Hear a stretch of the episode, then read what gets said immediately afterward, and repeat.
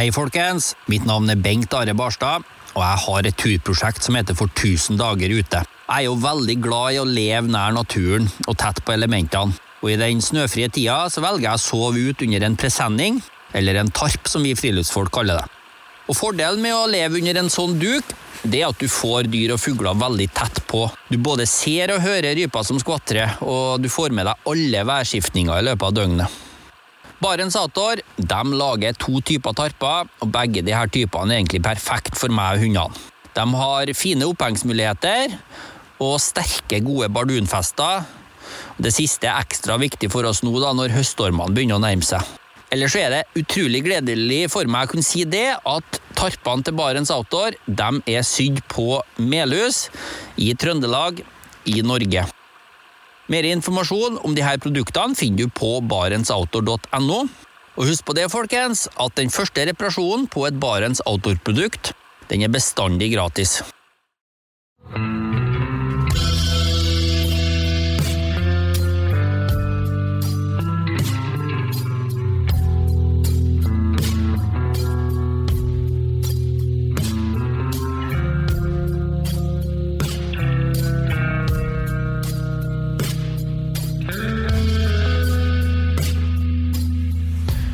Hei og velkommen til podkasten Uteliv. Mitt navn er Randulf Valle. Dagens episode tar jeg opp på ei lita hytte helt oppunder tregrensa, et sted i overgangen mellom Øst- og Vestlandet. Dagens gjest er innehaveren av hytta. Velkommen til Stein P. Aasheim. Tusen takk. Mhm. Og takk for invitasjonen. Ja, veldig hyggelig. Eh, Som en av Norges aller mest kjente eventyrere og formidlere av naturopplevelser, så trenger du nok ingen grundig introduksjon for eh, lytterne. Eh, Men vi kan jo kanskje si at du gjennom livet, så må det være lov å si at du har hatt verden som både lekegrind og arbeidsplass, men at de siste årene så er det nettopp den hytta her som i større grad har blitt utgangspunktet for eventyrene. Eh, Ja, det, det tror jeg du kan godt si, ja. Mm. Mm. Vi tar opp eh, den episoden her idet juni er i ferd med å bli til juli. Du har akkurat fullført innspurten på den nye boka di, 'Fjellene har meg nå'. Men innen lytterne får høre episoden, så har det blitt høst, og boka er ute. Eh, Boka har nettopp denne hytta som litterært omdreiningspunkt, og boka er naturlig nok utgangspunktet for dagens samtale. Men før vi starter på den, så spør jeg som vanlig, har du hatt en fin tur eller naturopplevelse nå i det aller siste? Eh, ja Jeg syns jeg har fine naturopplevelser hele tida, ja. Jeg bor jo, jeg bor jo i Isfjorden. Det er jo en naturopplevelse bare å se ut av, av vinduet. Jeg syns det er fantastisk å, å, å, kunne, å bo et sted hvor det første jeg er opptatt av når jeg kikker ut av vinduet, er vindretningen du ser ned på fjorden, hvor det blåser fra. Eh, og, tenker, og gjør, gjør meg tanker om, om, eh, ja, om ikke akkurat natur, så iallfall liksom vind og vær. Eh, og det, det, ja, Det er ikke en fantastisk naturopplevelse, men det er, det er en verdi som jeg setter pris på. Um, altså klassiske naturopplevelser, eller hva man vil kalle det. Kanskje skituren på Vi har jo åpnet, det er ikke så lenge siden vi åpna Trollstigen her. Og da får vi en ny skisesong i Romsdalen når Trollstigen åpner. Og, og jeg var der oppe og gikk på ski um, for et par dager siden. Det, det er flott uh, hver gang.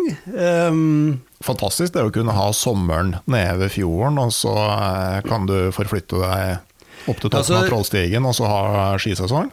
Romsdalen nå på vår, eller forsommeren, med snø og skiføre i fjellet, hvite fjell, flomstore elver som dundrer ned overalt, irrgrønne eh, jorder og irrgrønn skog nedi dalen, det er eh, jeg vet ikke om du liksom finner noe sted i landet som, som matcher Romsdalen akkurat på denne årstida her. Og, og jeg er jo glad i vinter og glad i å gå på ski, og, og, og den derre det er liksom den der kontrasten når du egentlig liksom er ferdig med vinter, og du går rundt i shorts uh, nede, og så, og, så, og så, er det en halvtime å kjøre fra der jeg bor, så setter du på deg skia og, og er i høyfjellet eh, og går på ski. Det, det er en eh, naturopplevelse som jeg, som jeg, ja, som jeg hadde nå for noen få dager siden, og som jeg stadig har på denne tida av året. Mm.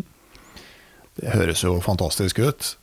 Men du er altså ute med en ny bok, 'Fjellene har meg nå'. Ehm, jeg har lest, jeg har kost meg, og så har jeg samtidig forsøkt å bli enig med meg sjøl om hva slags bok det her er. Og jeg kom fram til at den er jo en slags oppsummering. Den har sjølbiografiske trekk, uten egentlig å være en sjølbiografi. Uh, det er jo et uttrykk som sier at man lever livet forlengs, men forstår det baklengs. Og jeg oppfatter boka som et sånn slags forsøk på å se tilbake, sortere, eh, men samtidig på bakgrunn av det finne ut noe om hva som er essensen i det hele. Hva tenker forfatteren om eh, Jeg syns det var bra oppsummert. Det, det plager meg jo litt at det er litt vanskelig å sette denne i, boka i en sånn klassisk sjanger. Eh, det er liksom ikke en tradisjonell frilufts- og naturbok. Og det er, eh, det er heller ikke en, eh, en, en, sånn memoarbok hvor jeg lister opp alt jeg har gjort enda en gang. Det er kanskje litt sånn, sånn testament. eh, altså, jeg er eh, Jeg har pass, passerte 70 for et par år siden, og, og har fortsatt stor, stor, glede av å ferdes i fjell og natur. Um, og så tenker jeg at det er eh, det er lov å ha noen, og det er naturlig å ha noen andre typer tanker, både om livet og om fjell og naturopplevelser når du er 70, enn det var naturlig å formidle da jeg var 20 og 30, og kanskje var mer, en mer in, intensiv formidler eh, av naturopplevelser enn en, en jeg er nå. Det er, eh, eh, det er naturopplevelser med utgangspunkt i denne hytta, og så ser jeg framover med jeg har jo litt igjen, kanskje, ennå. Og bakover. Og har tanker om eh, natur, naturvern, altså forholdet til natur, naturopplevelser. Um, fiske, jakt, fjellklatring. Alt det jeg har drevet med. Um, eh, så det er, en, det er nok en mer sånn filosofisk og tankefull bok enn det jeg har skrevet eh, tidligere. Mm, vi skal straks få høre et lite utdrag, men du, du tar jo da utgangspunkt i den, den hytta her. Altså du trekker deg tilbake til, eh, til hytta på eh, fjellet. og og det er utgangspunktet. Altså, sånn sett så tenkte jeg at eh, sånn litterært da, så kan jo kanskje plasseres sammen med andre bøker hvor menn oppholder seg alene til fjells i lengre tid, kun i selskap med dyr. Du er jo her sammen med hundespannene dine, hundespannet ditt. Og så vende tilbake til verden der nede for å fortelle om sin opparbeidede innsikt. I Norge så har vi jo Doppler av Erlend Lo.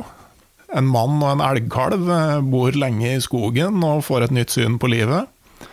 Og hvis vi går til verdenslitteraturen, så tenkte jeg umiddelbart på, på 'Slik talte Saratustra av eh, Nietzsche. Hvor da Saratustra har bodd ti år på fjellet sammen med en ørn og en slange, før han da vender tilbake til folket nede i dalen for å fortelle dem et og hint om hvordan det hele er skrudd sammen. Uh, ja, det var interessante sammenligninger. Jeg, det er sikkert riktig. Jeg kjenner ikke Saratustra-boka. Uh, eller jeg har, iallfall ikke lest den. Um, uh, altså, mye av fundamentet i, i, min tankeverden, og dette året her òg, eh, har sin rot i eh, et år på Svalbard Mhm. for eh, 20 år siden, hvor jeg lå på overvintringsfangst sammen med familien. Og fortsatt så, 20 år etter at vi var der, så tenker jeg på livet mitt som som perioden før og etter det året på Svalbard. Ehm, og eh, jeg forsto jo og forstår jo at jeg kan jo ikke liksom leve som fangstmann her nede. eh, Men noe av det som gjorde størst inntrykk der oppe, det var Det var liksom Hva skal jeg si Forholdet til tiden. Altså den tida som, som eh, ja, hvor er den? Som, som liksom eh, Vi skal gripe tiden, eh, men vi greier det aldri. Eh, og vi snakker om at tida løper fra oss. Eh, alle har det travelt og er på etterskudd og, og, og løper etter. Og, eh, alle har et forhold til det. Eh, det innebærer jo at tida er liksom noe som beveger seg i forhold til oss. Som regel så går den liksom fortere enn oss. Eh, og det å leve et helt år hvor du føler at du beveger deg i samme hastighet som tida. Du er liksom aldri på etterskudd. Og, og du kjeder deg heller aldri. Det var en, sånn, en så skjellsettende opplevelse. Um, jeg hadde aldri tenkt på muligheten av det. Um, og og, uh, og den, det, den modusen der, da, den har jeg egentlig lett etter helt siden jeg kom tilbake fra, fra Svalbard. Um, hvordan liksom leve et liv i harmoni med, med tiden. Um, og, og uh, hvor ofte jeg tenker på her at det jeg holder på med nå, ikke er det jeg har, egentlig skulle ha gjort, jeg må bare få gjort unna dette først, og så kan jeg gjøre det jeg har lyst til. Eh, og så kommer du dit til det du har lyst til, eller trodde du har lyst til, så er det jo bare noe du må få gjort unna først. Eh, før du kan gjøre det som liksom egentlig er verdifullt. Eh, og, og, og sånn går liksom ukene og dagene og månedene, og, og sånn går pinadø livet. Du fikk det faktisk unna til slutt. Eh, og, og det året på Svalbard var et år hvor, hvor det vi holdt på med til enhver tid, var det liksom det var riktig, føltes riktig å holde på med akkurat nå. Det var ikke noe vi gjorde for å få det unna. Um, og, og, det å gjenskape og finne tilbake til det Til det Ikke det liksom fysiske livet med å sele på hunder og, og, og jakte rein og, og sel, men, men liksom den den modusen der, den, den harmonien, det, eh, det har jeg tenkt på ja, i 20 år. Og så kom jeg på jeg må bare late som. Jeg må, jeg må, lage, jeg må lage min egen lille verden. Og her kommer denne hytta inn. Nå kommer vi til Det var en lang intro. Mm -hmm. um, og så eh, jeg kan, jeg kan, lage en simulator. Så jeg, jeg, definerte denne hytta som vi nå sitter i, som en pelsjegersimulator. Um, ikke fordi det er viktig å, å, drive med pels, uh, å være pelsjeger, men, men fordi at det har i seg, iallfall for meg, et slags sånn aspekt av Da ser jeg for meg Helge Ingstad på tundraen og, og, og et uh, liv i, i, harmoni med ja, tiden og naturen. Så, så um, vi befinner oss nå i uh, pelsjegersimulatoren min. Mm. Um, og her og en simulator er jo noe som lager en, en illusjon av, av virkeligheten. Ja, altså alle har et forhold til Eller jeg vet ikke om alle har det, men, men det mest vanlige er å tenke på flysimulator. Du går inn i, i, noe som skal ligne på et fly, og, og, og trener på å lette og lande. Og det er, det er, til forveksling lik virkeligheten. Akkurat som denne pelsjegersimulatoren min. Den er til forveksling lik, eh, lik virkeligheten oppi hodet mitt.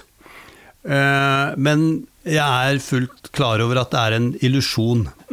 Um, så jeg har med viten og vilje og bevisst skapt en Skaper en, en simulator slash illusjon i disse fjellene her hvor denne hytta er.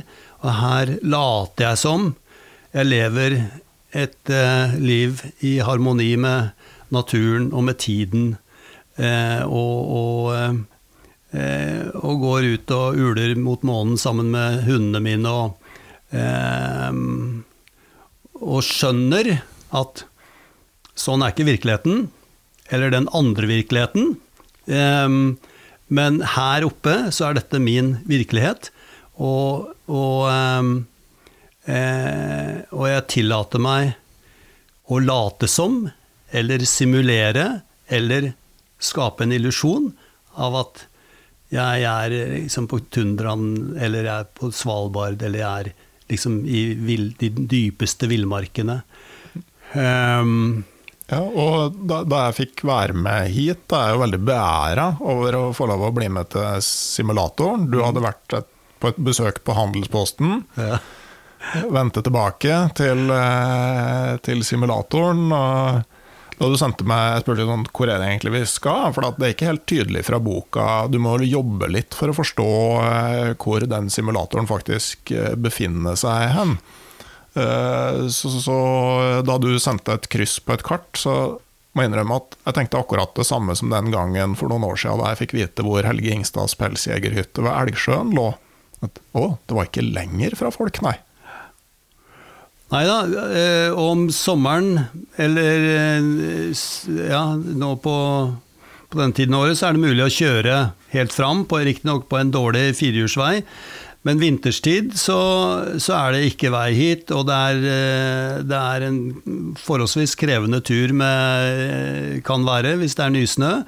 Og det har hendt at jeg har brukt flere dager på å komme inn til hytta, så på kartet så er det kort vei til sivilisasjon, men eh, å komme hit kan ta, kan ta mm, lang tid eh, likevel. Og det er riktig som du sier, at jeg forteller ikke hvor denne eh, hytta befinner seg. Det er mulig å, liksom, å, finne ut av det. Jeg lever jo ikke her i all hemmelighet. Eh, eh, men jeg har laget, eh, nettopp fordi at det er en, en illusjon, så har jeg, laget, jeg har tegnet mitt eget kart. Jeg har forandret navnene på fjellene i området her.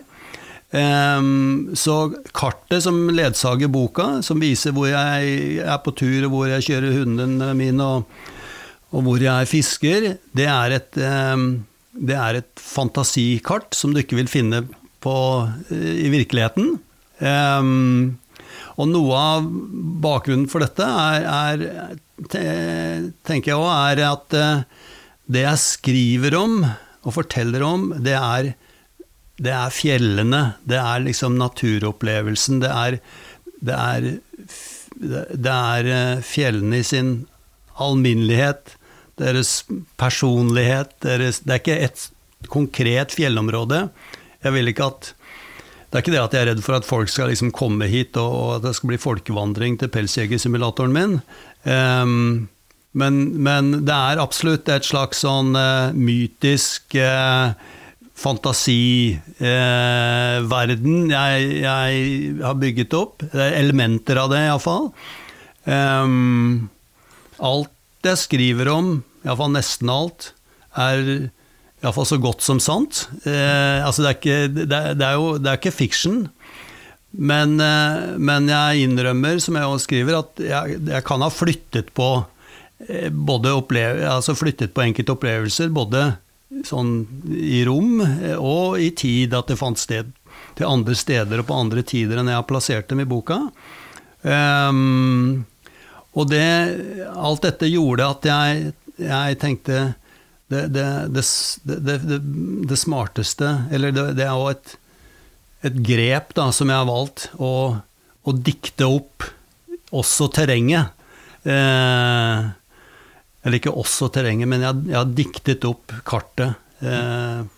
Men det, er jo sånn, eh, når jeg husker sånn eh, de sånn eh, altså sånn villmarkslitteratur som jeg leste spesielt da jeg var guttunge, så, sånn som Hans Lidemann og uh, Torbjørn Tufte, spesielt Lidemann egentlig, altså, så hadde jeg aldri noe sånn forhold til at det faktisk foregikk på et konkret sted.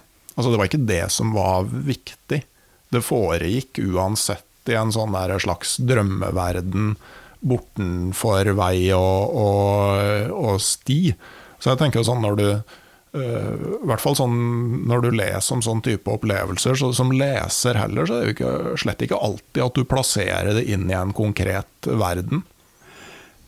Ja, mulig. Jeg vet ikke om de som da bodde i nærheten av de fiskeelvene som Torbjørn Tufte skrev om, vil være enig med deg nei, nei, der. Derfor jeg trekte meg litt på Tufte, for han var jo ekstremt konkret på ja. hvor, han, eh, hvor, hvor, han, dro. Så han, eh, han, var jo en eksponent for det, for det motsatte, og det, det fikk jo sine, sine følger. Men, eh, men, i hvert fall for min del så var det mer en sånn der historie om et opplevd eventyr, mer enn en sånn konkret geografisk beskrivelse. Det kan godt være, og, og, og, begge deler, altså elementer av begge deler. Men jeg har iallfall valgt å, å, forsterke den, den, den uh, illusjonsbiten, da. Eh, og, og, noe av budskapet, noe av bakgrunnen for det, er at jeg eh, eh, Altså, jeg tenker hvilken virkelighet, i anførsel, vi velger å leve i, den, det bestemmer vi i noen grad sjøl. Eh, eh, altså hvis jeg kan skape en Hvis jeg lever her i en i, i, mange, og De siste vintrene så har jeg liksom bodd der i flere måneder i strekk noen ganger. Eh, I en illusjon, i en simulator. Men hva er da liksom, Hvor går grensen mellom en illusjon og virkeligheten? Er, er, noe av det underliggende i boka, tenker jeg. Eh, eh, at det er, det er mulig å liksom forholde seg annerledes til, til eh, ja, både tid og materielle goder og verdier og en del sånne ting som vi mener er viktige. Um, jeg syns rett, ja, rett, og slett vi skal få høre litt, uh, litt, fra boka for å få litt inntrykk av hva det er du skriver om. Ja, du har valgt ut en passasje her eh, som du vil at jeg skal lese, eh, hvor jeg da sitter i denne simulatoren. Det er jo en, er jo en slags skrivestue, ikke en slags skrivestue, men jeg har jo en, en Mac og, og, en, eh, og jeg skriver jo boka og skriver masse her, så jeg er jo Eh, ja, en, ja, så i, her så sitter jeg da og, og skriver på, på den der PC-en eller Mac-en min. Um, av en eller annen grunn gikk jeg inn på kalenderen på Mac-en. På den datoen jeg befant meg på, sto det 'Ingenting er planlagt. Trykk for å opprette noe'. Det er en slags automatisk påminnelse som kommer opp hver dag uten en avtale. Nei vel, tenkte jeg først, og hva så? Her har det ikke vært en avtale på mange uker. Den siste avtalen jeg kom på, var tannlegetimen i begynnelsen av mars. Men hvorfor poeng poengterer de det? Som om det er en mangel ved akkurat denne dagen. Det lyder som en oppfordring om å opprette noe.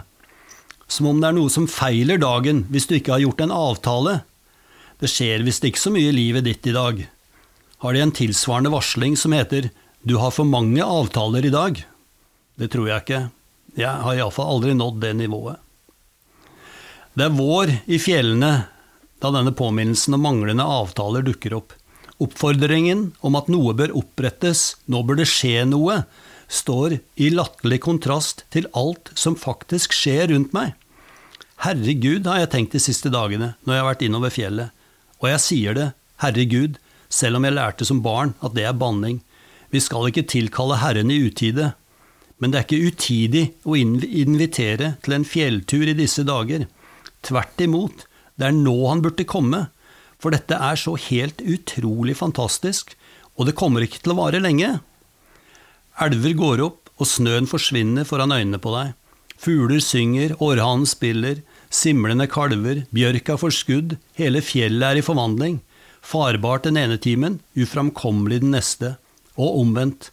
Oppunder tverrhornet har jervetispa ynglet, og rypesteggen, det knatrer fra alle lier. Alt skal skje samtidig. Egentlig er det et vanvittig kaos, men så er det tilsynelatende et system likevel.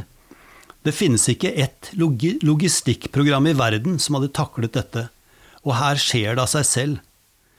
Ingenting er planlagt, trykk for å opprette noe, liksom. I byen surrer de rundt med tidsplanleggingsappene sine og tror de har mange jern i ilden. Herregud, de vet ikke hva de snakker om. Verden rundt meg forandrer seg dramatisk. Revolusjon heter det da. Som ventet, sant nok, men likevel, det er helt vilt å stå midt oppi alt dette livet. Livet med stor bokstav, det fortjener det. Om kort tid er det over. Det er faktisk nå han må komme. Nei, dette er ikke å tilkalle Herren i utide. Dette er tida for å være i fjellet. Herregud, jeg tror rett og slett du ville ha blitt målløs. Jeg tror du ville ha tenkt at noe sånt som dette hadde du aldri greid å få til. Men du skjønner det, herregud, at vi er i ferd med å rote til noe aldeles for jævlig for oss. Det er ikke lenger system i kaoset, så hvis det er sant som de sier, at du sitter på et logistikkprogram med datakapasitet av en annen verden, da er det nå du må komme. Det er absolutt på tide å ta seg en tur. Hører du? Ta kontroll over din tid, oppnå dine livsmål, som det står i appen. Herregud, sier jeg bare. Sånn kan man tenke når man sitter på trappa utafor pelsjegerhytta og har eh, flådd vinterens fangst, og den henger til tørking på veggen. For du driver faktisk med pelsfangst der oppe? Jeg har en uh, trapline. ja. Jeg har det. Um, uh, med noen mårfeller. Og jeg kjører hundespannet mitt, akkurat som Helge Ingstad, uh, rundt og, og sjekker mårfellene. Um, så ja, du kan godt Jeg liker det uttrykket. Du driver med pelsfangst. Um, I fjor fikk jeg én mår, og det gjorde jeg i vinter òg. ja. Så det er ikke det Og, og jeg har Ja, jeg har et litt sånn blanda forhold til den der eh, fellefangsten, men, eh, men eh, det er jo en del av, det en del av simulatoren, ja. Mm. Så, men det høres jo ut som en sånn du, du harselerer jo litt med bærekraftbegrepet i, i boka, men én mår per år, det, det er jo en viss sannsynlighet for at det er et bærekraftig uttak. Hvis det ikke er veldig mange andre trappere som driver og prøver å komme seg inn på ditt territorium. da. Nei, her møter jeg Her ser jeg aldri noe skispor. I alle fall ikke noen, eh, det er iallfall ingen andre som har feller her. Det er ikke, noen, er ikke noen andre trapp, trapper her, ja. Ja, jeg, jeg er, har noen skråblikk på dette her med øh, ja, høste av overskudd og, og, og bærekraft og ja, det er sant. Det det er absolutt en sånn snev av sjølironi i jeg, jeg ser jo jeg, jeg, jeg er jo ikke blind for at det er noen eh, paradokser i, i, i dette her, uh, livet jeg lever, enten det er i den ene eller den andre virkeligheten. Men eh, jeg tenker det der, eh, la oss dvele litt ved altså Man tenker jo på Helge Ingstad og Canada, eh, og du ser jo en del tilbake, for det er jo, det er jo mange turer du har bak deg. Og du kommer jo tilbake til noen av dem i boka, og annet det der måte, kanskje det hele starta på South Nahanni River i Canada i 1972. Eh, hvor kom den ideen og den drømmen fra? 72 er faktisk jubileet. det er, jo- du har rett i det. Det er jo et jubileum i I år var det 50, Ja, eller 50 år. Noen må dra til Southern Hanny River og padle den 50 år etter Stein P. Aasheim. 50, ja, det var, ja, ja det, du får aldri få gjøre som du vil. Det bare slo meg når du sa det, at det er ja, 50-årsjubileum for eh, Kanskje på mange måter starten på det hele, ja. Um, hva var det, nå prater jeg med, hva var det du spurte om? Hvordan, eh, hvor kom tanken fra, eh, og hvorfor ble den gjennomført? Det Det er jo kanskje Ja, eh, Nei, altså South Nanny River ligger i Yukon-territoriet i, i Canada. Eh, grense mot Alaska. Eh, nei, altså hvor, hvor kime Hvis du liksom spør om hvor, hvor kimen til hele dette livet mitt eh, ligger, så er det det, jeg vet ikke hvor langt tilbake du skal gå, men hvis vi begynner For det, det måtte jo ha vært noe i bånn for å i det hele tatt være interessert i å dra til Canada. Mm. Um, men og, og, hvorfor det ble akkurat Southern Hanny, var fordi jeg kom over en bok. Jeg hadde lyst til å ta en, en padletur i Canada. Jeg hadde lyst til å Jeg var akkurat ferdig med militæret um, og skulle begynne å studere. og og, og, jeg hadde tanker om at jeg skulle bli journalist og avsløre verdens urettferdigheter og, og liksom ta, være på de svakes parti og sånt. Og så, så ble jeg jo for så vidt journalist på et vis, men jeg ble mest opptatt av meg sjæl, eh, må jeg innrømme. Men eh, før dette så hadde jeg lyst til å liksom, padle gjennom kan, liksom, Ha en sånn villmarksopplevelse. Gjøre en stor tur før jeg blei som alle de andre. Eh, og gikk inn i studier og fikk kjerring og unger og hund og plenklipper og alt dette. Eh, eh, Southern Hanny ble jeg oppmerksom på fordi jeg leste en bok av uh, en kar som heter Patterson, som het 'Headless Valley', 'The Valley of No Return'. Som, det, det, var noen myter rundt denne elva om at uh, pelsjegere var forsvunnet, og gullgravere var forsvunnet, og de som var blitt funnet, var funnet uten hode. Det var spennende. Eh, og, så, og, så, dro vi av gårde. Jeg er jo en kamerat fra militæret, Harald Bjerke. Um, men dette var på en tid hvor det var mildt sagt ikke vanlig å dra på padletur i Canada. Jeg kjente ingen som hadde gjort det. Um, og jeg eh, hadde ikke noe eh, informasjon, iallfall ikke om øvre del av denne elva. Eh, og hvordan kommer man seg dit? Det, det, altså det, det, var en ekspedisjon i, med alle de elementer som du tenker en ekspedisjon eh, må inneha. Mye logistikk. Eh, vi jobbet oss over. Vi fant ut vi måtte prøve å haike med noen, noen, med handelsflåten. Mm. Så jeg sendte brev til ti-tolv rederier og lurte på om vi kunne få skyss til, fra Norge til Canada.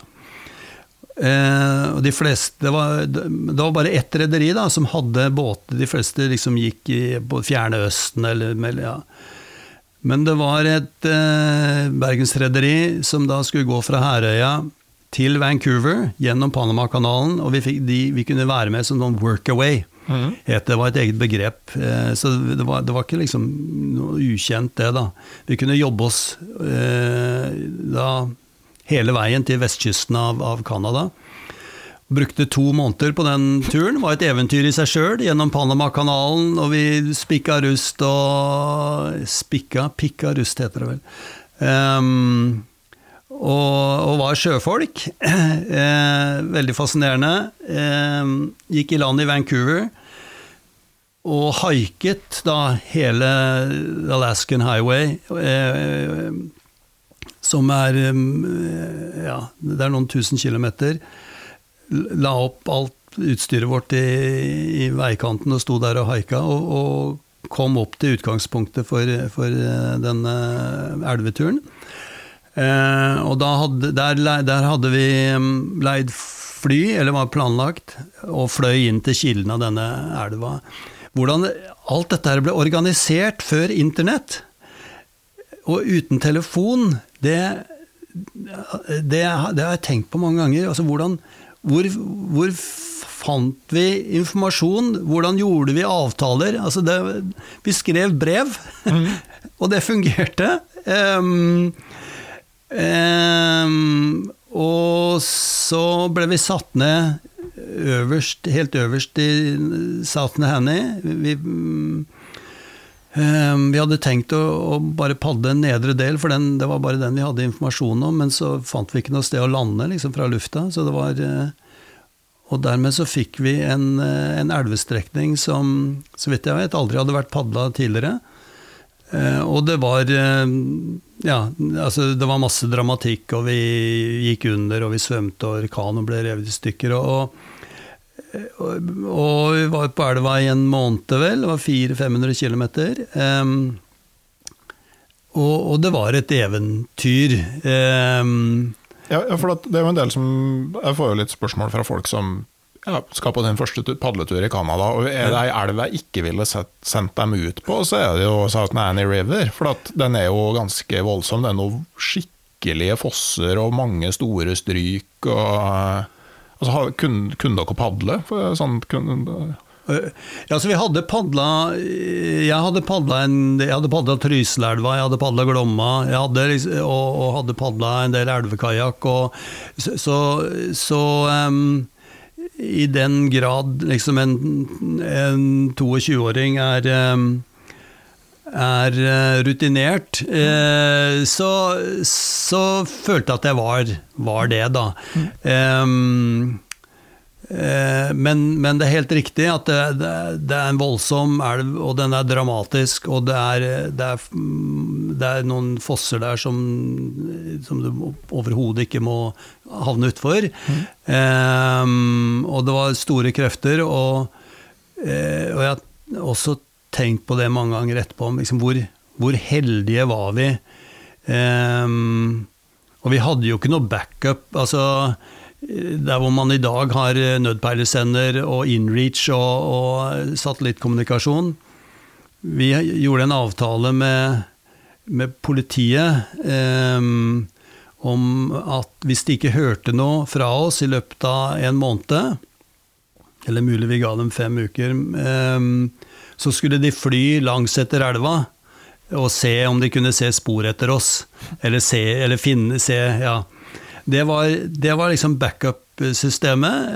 Jeg sendte liksom postkort hjem til moren og faren min før vi dro. Um, og det var, ja, det var kommunikasjonen vi hadde. Og i dag så er det jo helt vilt, mm. men, men um, den gang så var det Altså, sånn var verden, og sånn var vi skrudd sammen i hodet. Um, at det var tilstrekkelig. Ja, ja for dem, De hørte jo ikke noe fra deg på de to månedene, eller i hvert fall fra Hjemme? Ja, sånn da du På vei over Atlanteren, og så var det ikke noe mye kommunikasjon? Nei, nei, nei. nei. Um, jeg sendte kanskje et postkort fra Panama, det gjorde jeg nok fordi jeg mange år senere så spurte jeg moren min en gang om hun aldri var bekymret for meg på disse her turene mine. Det ble jo etter hvert flere turer, og jeg har ikke noen erindring om at eh, foreldrene mine var engstelige. Eh, heller ikke moren min. Og, og svarte at nei, det, hun hadde aldri vært bekymret for meg, fordi eh, jeg var så flink til å holde dem oppdatert om hvor jeg var til enhver tid. De visste liksom nøyaktig hva jeg holdt på med, fordi jeg sendte postkort. Så det var, derfor, så vi, derfor så var de liksom rolig. Og um, altså, i, i, dag så Jeg har ei datter som dro på ryggsekktur til Sør-Amerika etter videregående. og hvis ikke jeg fikk en SMS fra henne hver dag, så var jeg jo helt på tuppa. Um, så ja. Mm. Verden er annerledes. Mm. Ja. Kanskje det til og med var litt enklere for foreldre den gang. fordi at altså, du måtte, måtte bare gi slipp og du kunne ikke forvente noe sånn uh, jevnlig oppdatering på uh, ja, ja, det kan godt være eh, at det holdt med liksom et postkort eh, en gang i måneden, eller noe sånt. Ja. Eh, så hadde du ikke den forventninga, altså du visste ja. at var, altså, når den muligheten for å kommunisere mm. hele tida er der, så, så blir jo forventninga en annen òg. Jeg tror det er, det er riktig. Um, men, men jeg, jeg har liksom tenkt på det flere ganger. Jeg har jo gjort turer liksom i fotsporene til den ene og fotsporene til den andre, Fridtjof Nansen og Roald Amundsen, og, og, og, og, i varierende grad liksom levd meg inn i datiden. Um, men, men, men, hele den derre mentale biten er, er veldig vanskelig å, å, forholde seg til. Altså nå, nå forteller jeg liksom om at foreldrene mine var fornøyd med postkort, mm. og, og, folk som hører det, eller liksom, når jeg forteller det, så Å, herregud, liksom. Mm. men altså, tenk på Roald Amundsen som dro av gårde med proviant for fem år. Eh, og, eh, og eh, uten mulighet til å sende meldinger hjem. Det, mm, for de som var om bord. Det, altså, det, liksom det igjen var en helt annen tid. Ja, ja og, der, og der var man jo vant altså overvintringsfangst på Grønland, hvor du Ja. skulle være i to vintre, men hadde med mat for tre sesonger i tilfelle det ikke var isforhold så du kunne bli henta. Liksom. Det, det, og, og også dem som dro i utenriksfart. Da. Hvor du skulle, ja. du skulle et eller annet sted i Fjernøsten og levere noe, og hvor du fikk frakt derifra, og når du var tilbake i Europa. Men det var Ragnar Thorseth som snakka om det at eh, lurer på om det var at du måtte være med Hvis du hadde vært om bord i to år, så fikk du gratis flybillett eller gratis reise hjem fra rederiet. Og det å komme hjem før det, det var litt skamfullt. Ja, um, Og det er jo ikke så lenge siden. Nei da, det er liksom det er våre Eller det kunne ha vært meg, jeg skulle til å si det er våre foreldre. Våre, jeg jo 70 år, men, men det er liksom i min levetid, da. Mm. Ja. Men, eh, men det der ene sprellet på South Nanny River, det stoppa jo ikke der. Og jeg, jeg tenker jo at sånn som f.eks. Norge på langs på ski i 1976, da, er en sånn, eh, kanskje litt sånn viktig uh, for det at det ikke stoppa. Uh, Ja, det skulle jo liksom være med den ene South Nanny-turen, og så skulle jeg liksom bli som de andre. Ehm, men i stedet så ble det en slags døråpner til en uh, verden som, som bare eskalerte i, i den retning. Og, og det neste liksom store, da, for å bruke det uttrykket, det var jo Norge på langs. Vi gikk på, på ski i 1976. um, med Arvid Holte, og vi, vi trodde vi var de første. Vi, vi hadde ikke hørt om eh, noen som hadde gjort det før. Det var litt morsomt. Eh, og, eh, vi, eh, og så var vi egentlig mest opptatt av å gå lenge på ski. Eh, og så var vi klar over at eh, hvis vi greide å gå lenge nok, og snøen ikke smelta, så kunne vi liksom tilbakelegge hele Norge på langs. Så vi dro ned til Lindesnes og, og sendte kart som sånn poste restante, som det het en gang. Jeg vet ikke om det er noe som heter poste restante lenger.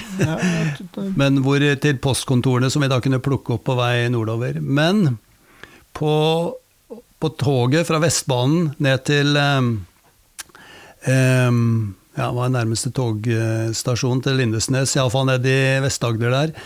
Eh, på, på, det var en lørdag, husker jeg, og vi kjøpte lørdags-VG, Lørdagsdagblad, for å ha noe å lese på toget. Og i den avisa så var midtsideoppslaget en artikkel om Bjørn Amsrud. Som hadde gått Norge på langs vinteren i forveien, faktisk. Eh, og som den første. Eh, han gikk jo aleine, og han hadde da, han hadde da gjort eh, turen før oss, så vi blei ble nummer to. Ehm, men, men eh, altså det var ikke det, det la ikke noe demp. Det var ikke sånn faen nå, nå blir vi ikke de første. For det, dette var en tid hvor, hvor altså vi, skulle, vi, gjorde dette litt sånn i all hemmelighet. Det var ikke, det var ikke viktig. Det var tvert imot. Det var litt sånn hold kjeft-mentalitet. Jeg husker vi traff en Dagbladet-journalist på Spiterstulen som ville skrive om oss, og, og, det var ikke snakk om, vi ville ikke ha noen ting i avisa om turen. Um, det var uh, vi, skulle, vi, ville bare være på tur. Så at Bjørn Ansrud hadde gjort uh, turen uh, før oss, og etterpå så gjorde den jo, var vel den første som gikk på beina òg, han Amsrud. Fantastisk fyr. Det, det, det, det, er mer en sånn morsomhet, kanskje. Vi trodde vi var nummer én, og så leser vi at vi Men, men for hver ny sånn tur, da, så blei liksom dørstokkmila Dørstokken lavere, terskelen ble lavere for å dra av gårde igjen. Og så er det som, som alle som har vært på store turer, har opplevd, at når du kommer tilbake og har realisert en drøm, så, så blir det et sånn tomrom igjen der hvor drømmen var. og, og eh, den derre Expedition Blues, eh, hva nå? Eh, og, og, så, og, så, fyller du det tomrommet med nye drømmer, og så, og så har du det gående, liksom. Mm -hmm.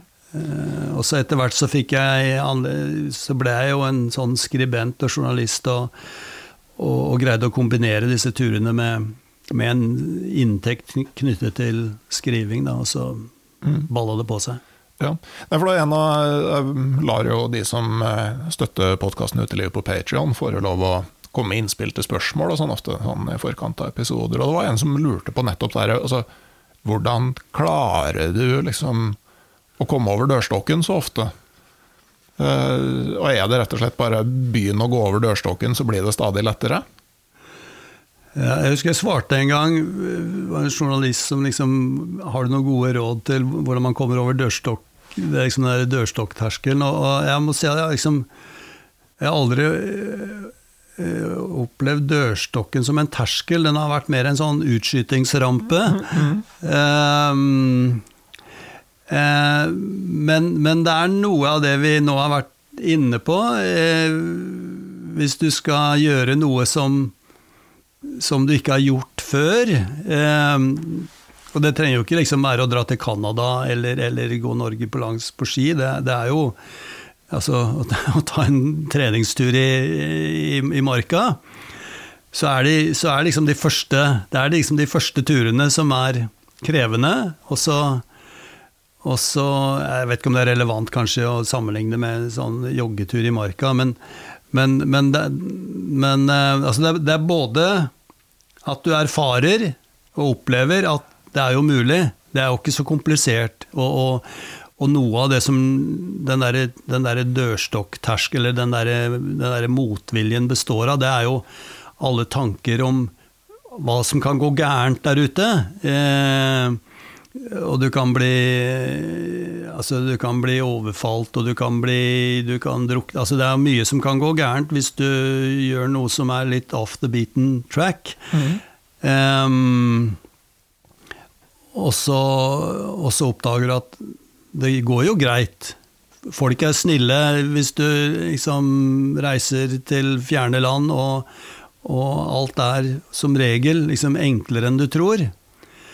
Eh, og, så, er det dette her med at en realisert Du har gått og båret på en drøm lenge, og og du, du, må liksom ta en sjanse. Alle store drømmer har i seg, tenker jeg, et sånt element av risiko.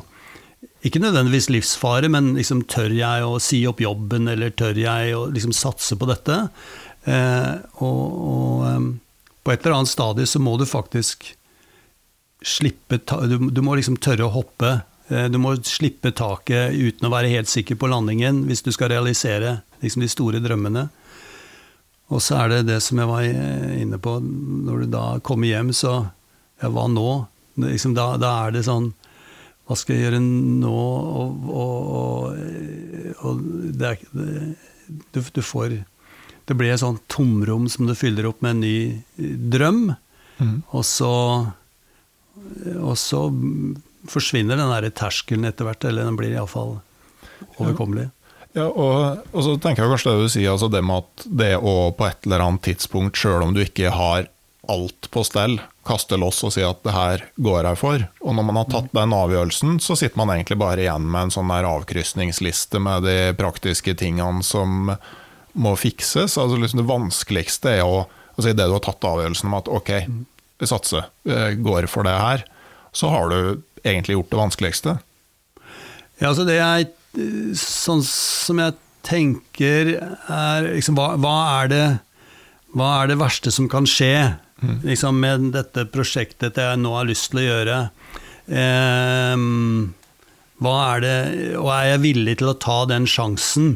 Liksom, hvis punkt én er eh, Altså, du kan jo på et vis bli angrep, spist opp av isbjørn, eller du kan falle ned fra en fjell. Altså, det er også, også, også hvis du skal padle rundt eh, eller til nordspissen av Svalbard, da, som, som, var for meg, som jeg gjorde på 80-tallet som jeg tror kanskje heller ingen hadde gjort før da, på det tidspunktet. Um, eh, og, og tenkte ja, hva er det liksom, hva er det verste? Ja, og du kan uh, gå rundt og eskimorull, og det er kaldt, og det er, det, er masse, det er masse som er det verste som kan skje.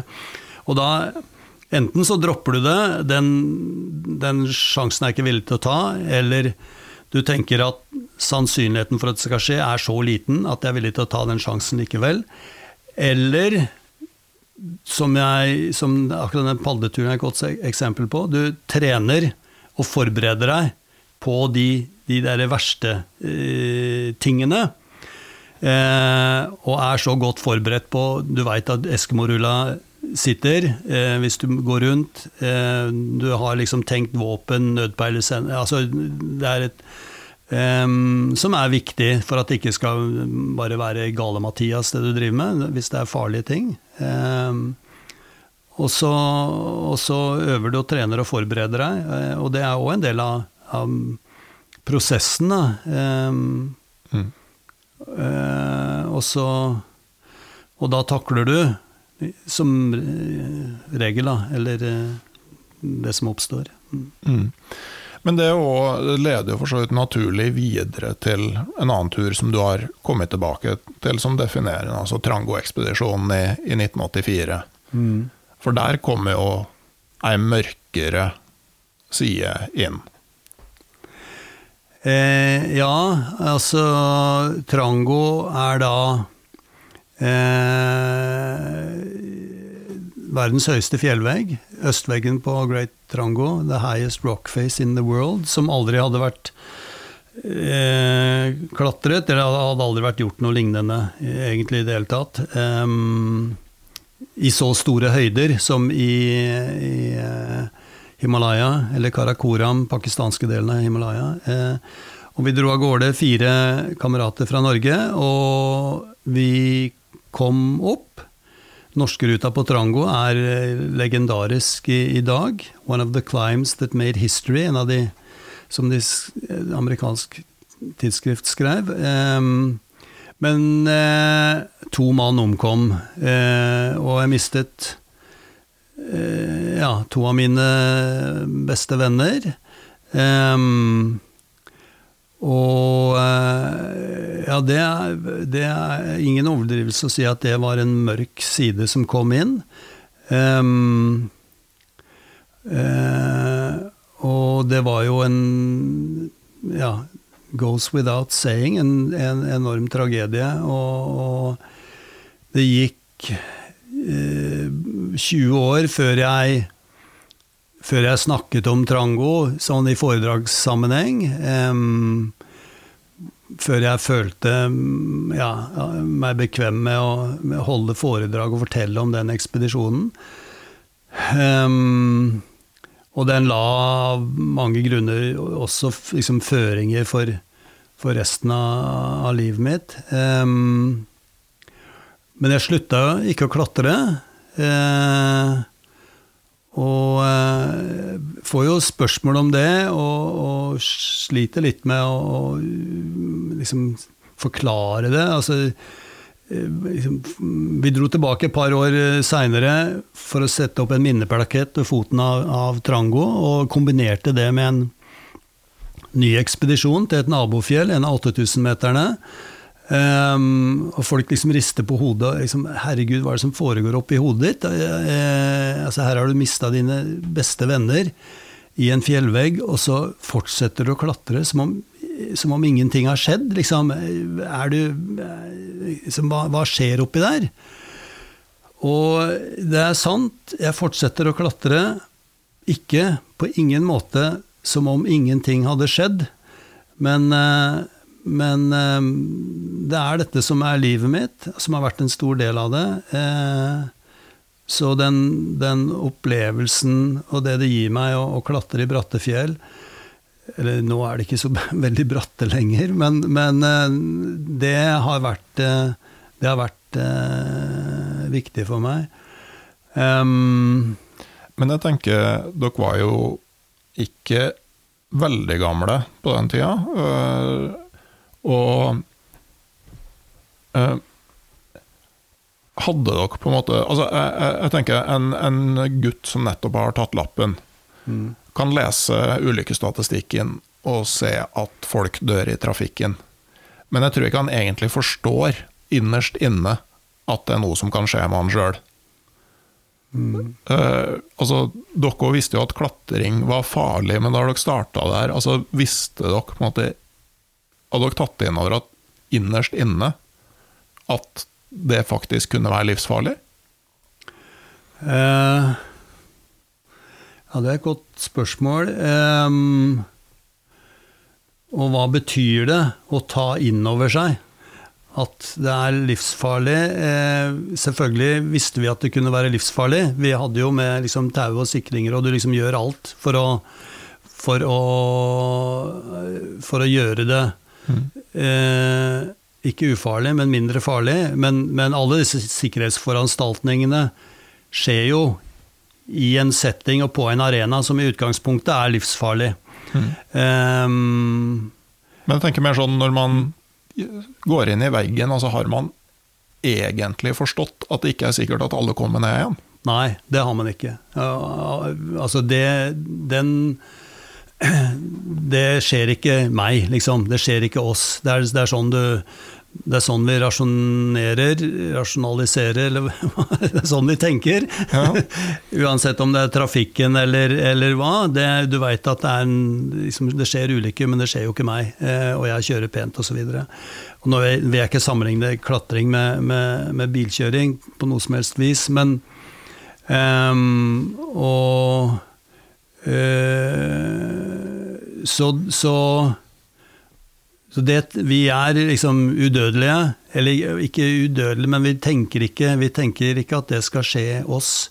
Vi tenker at vi er liksom forberedt på de situasjonene som kan oppstå. Dårlig vær eller ja, vanskelig fjell og sånne ting.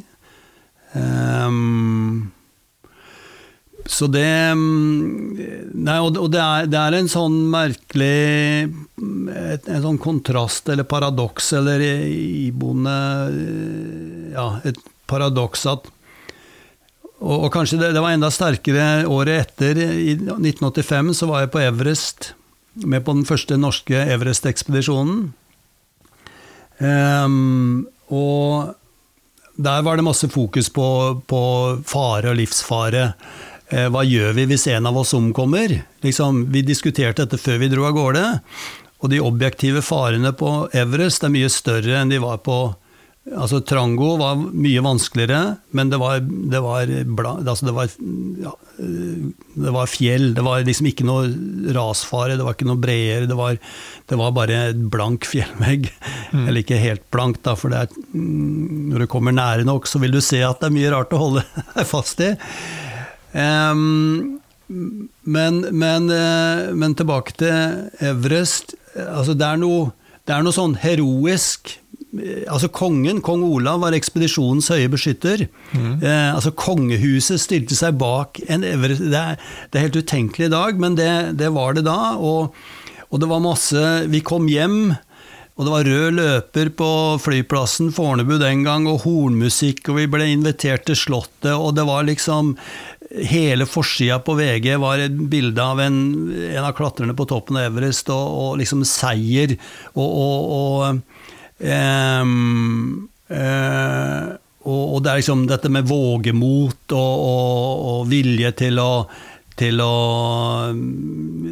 liksom stå på, motivasjon Alt dette som er, har liksom en positiv undertone.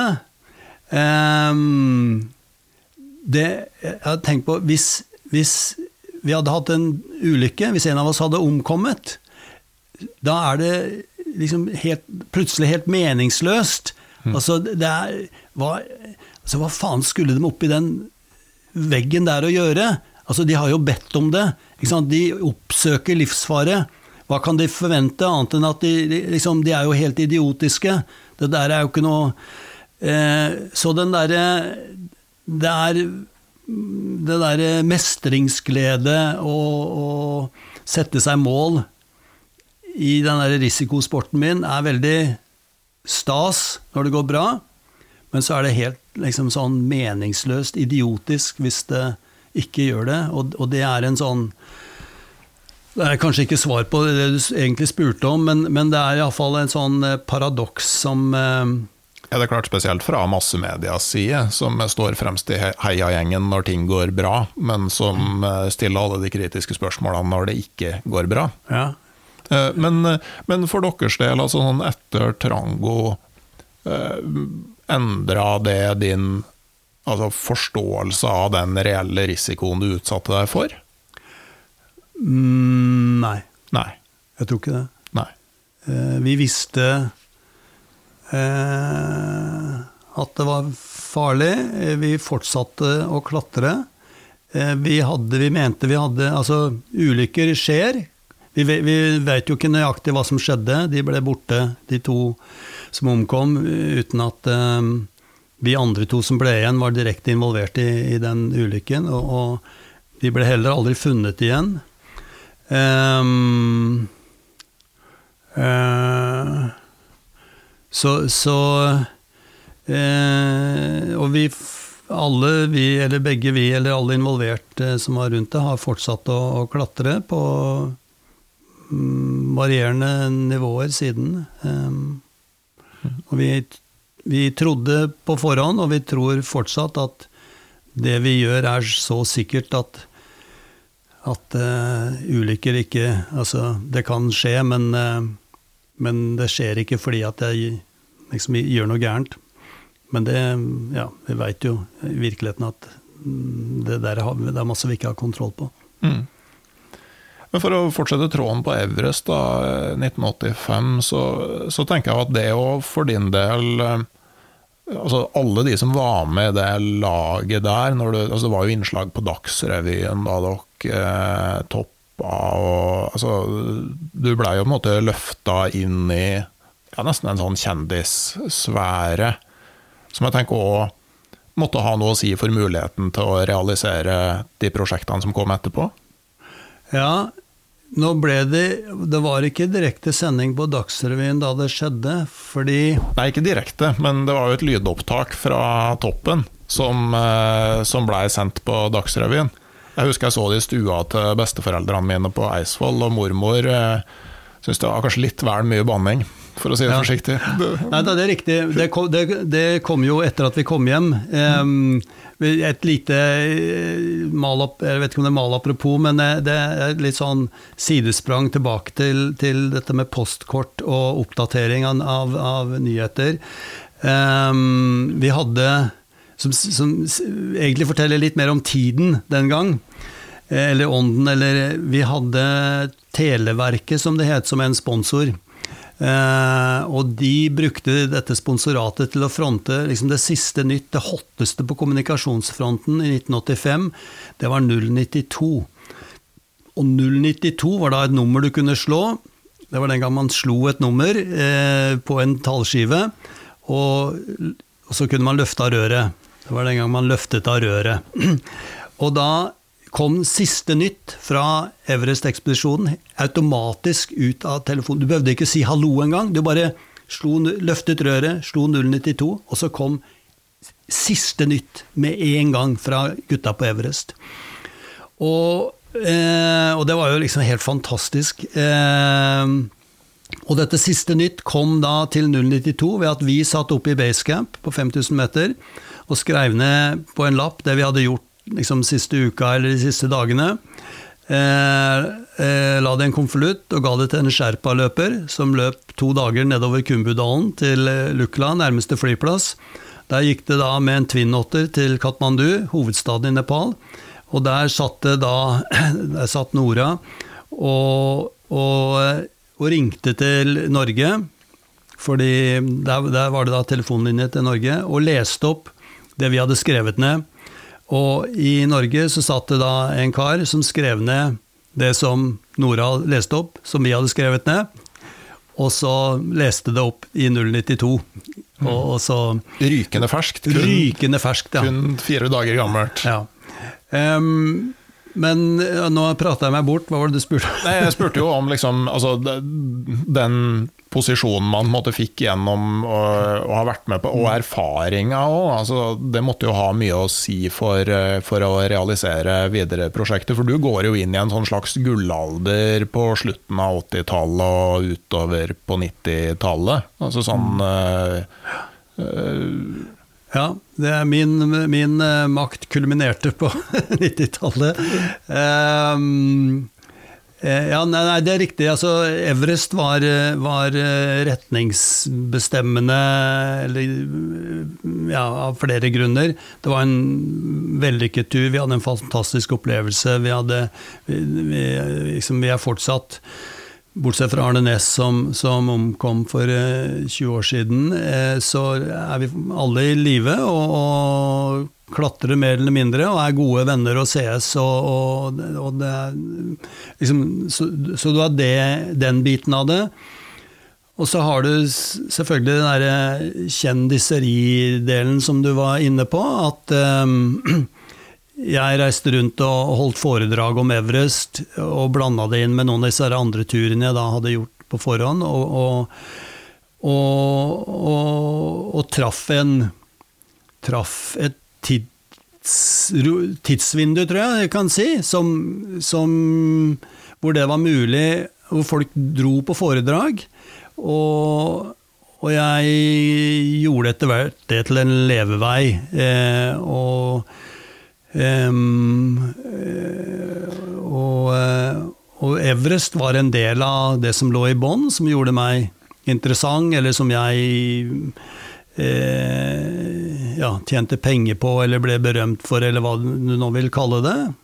mm. Um, For du skriver jo litt i boka om det der med å være født på riktig tid. Eh, og det eh, Du refererer jo f.eks. sånn til, til Nansen eh, ja, du, Ikke nødvendigvis i boka, men eh, jeg vet i hvert fall at du skriver om det når dere kopierer Nansen eh, i hans utstyr 100 år etter. Altså Han ble født inn i skisportens renessanse i Oslo, sånn at han, han var skiløper. Men samtidig så sto liksom den utfordringa å krysse Grønland, den var der. Eh, Amundsen kommer liksom Altså Sørpolen er ledig, Nordvestpassasjen er ledig. Så kom Helge Ingstad, som kanskje ikke hadde fungert før Nansen og Amundsen men som er en mer sånn der, eh, som drar ut på eventyr for eventyrets skyld, men det er fortsatt hvite flekker på kartet. Eh, Men har du tenkt på at eh, Jeg tenker du- er jo født 20 år etter at Ingstad ga ut 'Pelsjegerliv'. Eh, og jeg tenker de da som er født 20 år etter at dere var på Everest, som er født tidlig på 2000-tallet. Og for dem, da, så må jo da liksom den Everest-ekspedisjonen framstå litt sånn som pelsjegerliv gjorde det for deg. Altså de som fikk være på Everest i gode gamle dager, da de var eneste ekspedisjon. Altså, alle er til en viss grad født på riktig tid, da, hvis man bare evner å se hva det er som er riktig nå. Ja, det er et godt poeng, og, og, og, dette er jo resonnementer som det først er mulig å gjøre i- ettertid. Eh, du vet ikke liksom, i øyeblikket hva som er riktig tid, eh, og hva du skal finne på for å liksom treffe tidsånden. Eh, det, er, det, er, det er jo helt uh, riktig. Uh, og jeg tenkte jo ikke da uh, altså, altså min personlige rekord, for å bruke det uttrykket, var når jeg leide var på begynnelsen av 90-tallet, og jeg leide universitetsaulaen på Karl Johan, som tar 800 mennesker, for å holde foredrag. Og, og hadde tre utsolgte hus, altså tre ganger 800 mennesker. og og det var ikke noe internett. altså Jeg hang opp plakater i sportsbutikkene på Speidersport og Sportco og sånt nå i byen. Og så satte jeg igjen en liten rubrikkannonse i Aftenposten på kinosida om at liksom Stein P. Aasheim holder foredrag i universitetsaulaen. Og moren min satt i billettluka og solgte billetter, og det var liksom 200 meter med kø, folk sto og venta. Og, og etter tre utsolgte universitetsseiler, så leide jeg alle foredragssalene på Oslo Plaza. Eh, som tar 1000 mennesker. Eh, og gjorde det samme, liksom satte en ekstraforestilling, Stein P. Aasheim. Og hadde utsolgt der, altså 1000 mennesker der. Og, og dro rundt på turné. Hadde to utsolgte hus i Skien, husker jeg Ibsenhuset, to ganger 600 mennesker. Verdensteatret i Tromsø, Ibsen Altså, det, det var um, Og jeg vet ikke Jeg tror ikke det er mulig i, i dag, altså selv eh, selv Børge Ausland og Lars Monsen. Eh, jeg, jeg, vet ikke. Men, men, men, den tiden er litt sånn forbi. Eh, men, men det, kunne, det, kunne, det vet man jo ikke i øyeblikket. Nei, så det, så det, gjelder jo litt sånn for de som Altså i dag, men, men er sånn nøkkel nøkkel er jo kanskje å finne sin egen drøm, og ikke eh, kopiere noen annens, da.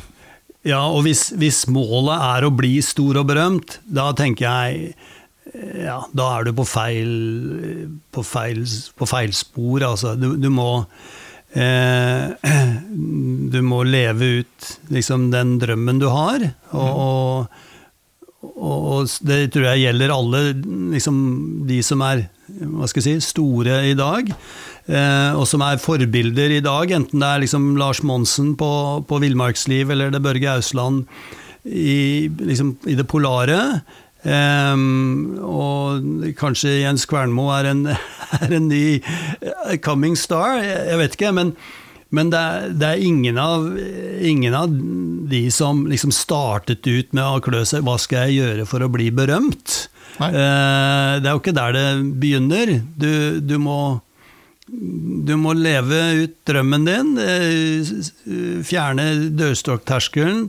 Og og så, må du liksom ha glede over livet, av livet. Og hvis du er flink til å formidle, eller så, så kanskje du kan få en inntektsside ved det. Men hvis det er målsettingen, så Og det, det har jeg jo inntrykk av at det er iblant, eh, sånn som sosiale medier fungerer. Så, så, så ja, eh, da tenker jeg at det er det er på feil. ja, for, for, sånn som Everest har jo forandra seg radikalt fra dere var der ja, ja, og, og, til i dag. Altså en, mm. en Everest-ekspedisjon i dag er jo noe helt annet. Mm, mm. Uh, men kan du med hånda på hjertet, liksom, hvis du hadde vært 20 i dag og, og klatrer, mm. altså, hadde det vært utelukka? Eh Nei, det, altså det er vanskelig, og det blir jo veldig sånn hypotetisk. Men, men det, noe av det som liksom kjennetegner forskjellen på 85 og, og, i dag, er at den gang så var det klatrere. Altså vi var jo fjellklatrere. Eh, vi var aleine på, på, dette fjellet. Eh, og, og, og sjøl om vi også hadde altså stor altså, Sherpa-støtte og, og hjelp av sherpaene, så var det så var det vi som la opp ruta, det var vi som liksom gjorde alt det tekniske, og sherpaene liksom backet oss, opp oss. Nå er det liksom omvendt, at du kan melde deg på en Everest-tur, du behøver ikke ha noe klatreerfaring i det hele tatt, du lærer hvordan du skal ta på deg stegjern i, basecamp. Og så sitter du der og venter til sherpalaget har lagt opp faste tau til toppen. Um, og, og um, Everest klatre, da, eller hva, skal, hva, slags begrep en skal bruke, rekrutteres fra helt andre steder og miljøer enn en, eh, en i 85. Så på bakgrunn av det eh, så er jeg ikke sikker på om Everest ville ha liksom, opplevdes fristende for, for, eh, for oss. Og det, det, det er ikke liksom I klatremiljøet så er det ingen som liksom går normalveien på Everest lenger. Det er ikke en, det er ikke en klatreutfordring. Vi, vi lette jo etter liksom, ting som ikke hadde vært gjort før, eller ja, ruter som ja. Så jeg kan ikke med hånda på hjertet si at jeg ikke ville vært interessert i å bestige verdens høyeste fjell, men, men um, men det, jeg tror ikke kanskje det hadde hatt så veldig stor eh, attraksjon å gå i kø eh, opp dit, altså når, når du er Når det er liksom klatreutfordringen som er drivkraften. Mm. Men så kan vi jo ta steget fram til det som du da innledningsvis, den turen eller det året som du sier at liksom deler livet ditt i to, da, før og etter. Det er Austfjordneset 2002 til 2003. Det er jo 20-årsjubileum for det òg. Ja, ja, Tida, tida går. ja. Og du sa jo det nettopp at altså For det må jo ha vært en ganske sånn stor avgjørelse. Ta unger ut, ei jente ut av ungdomsskolen og ei som skulle begynne på skolen underveis det året der. Og øh, ja, å forflytte familien til langt nord på Svalbard. Det må jo være noen tanker rundt det? Ja, jeg er jo gæren. Jeg holdt på et helt år, mm, om ikke på heltid, så iallfall hver eneste dag med å planlegge og forberede den turen. Em, utgangspunktet var at vi hadde lyst til å gi barna våre en, et minne og en erfaring, en opplevelse om at verden var mer mangfoldig enn en Isfjorden. Ikke et eh, vondt ord om Isfjorden, em, men, eh, men vi hadde lyst til at de skulle ja, oppleve andre sider ved, ved denne verden enn enn bare der vi tilfeldigvis bodde. Eh, så vi hadde andre. Vi så på muligheten av å bo et år i Nepal eh, og, liksom andre ting.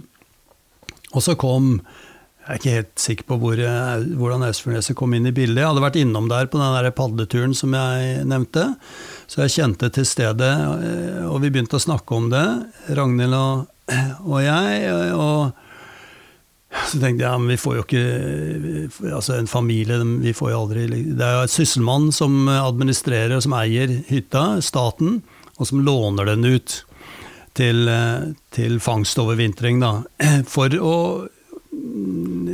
ja, delvis for å opprettholde et snev av den gamle fangstkulturen som var viktig på, på Svalbard. Og så tok jeg kontakt med sysselmannsetaten, og nei, de, der var det liksom positiv eh, holdning til eh, eh, Og vi ble vurdert som eh, ja, foreldre med, med rimelig mye fartstid fra, fra krevende uteliv.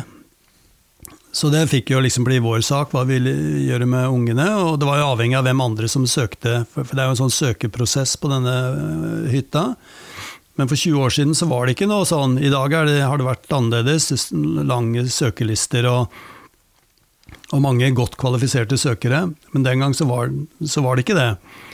Eh, så vi, vi, vi fikk eh, liksom ja fra sysselmannen til en eh, overvintring med familien. Men, men eh, eh, Og det å ta ungene ut av skolen var på et vis ikke det, det verste. Eh, men, men det var jo Altså, jeg var jo redd for bjørn. Altså, skrekkscenarioet var isbjørn og unger.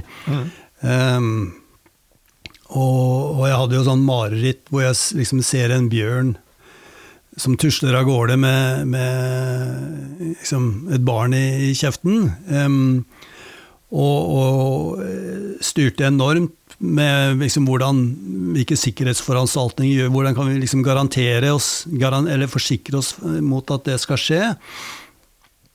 Em, og, og det var masse annet som jeg, jeg, jeg er forholdsvis god til å liksom greie meg i vind og blåst.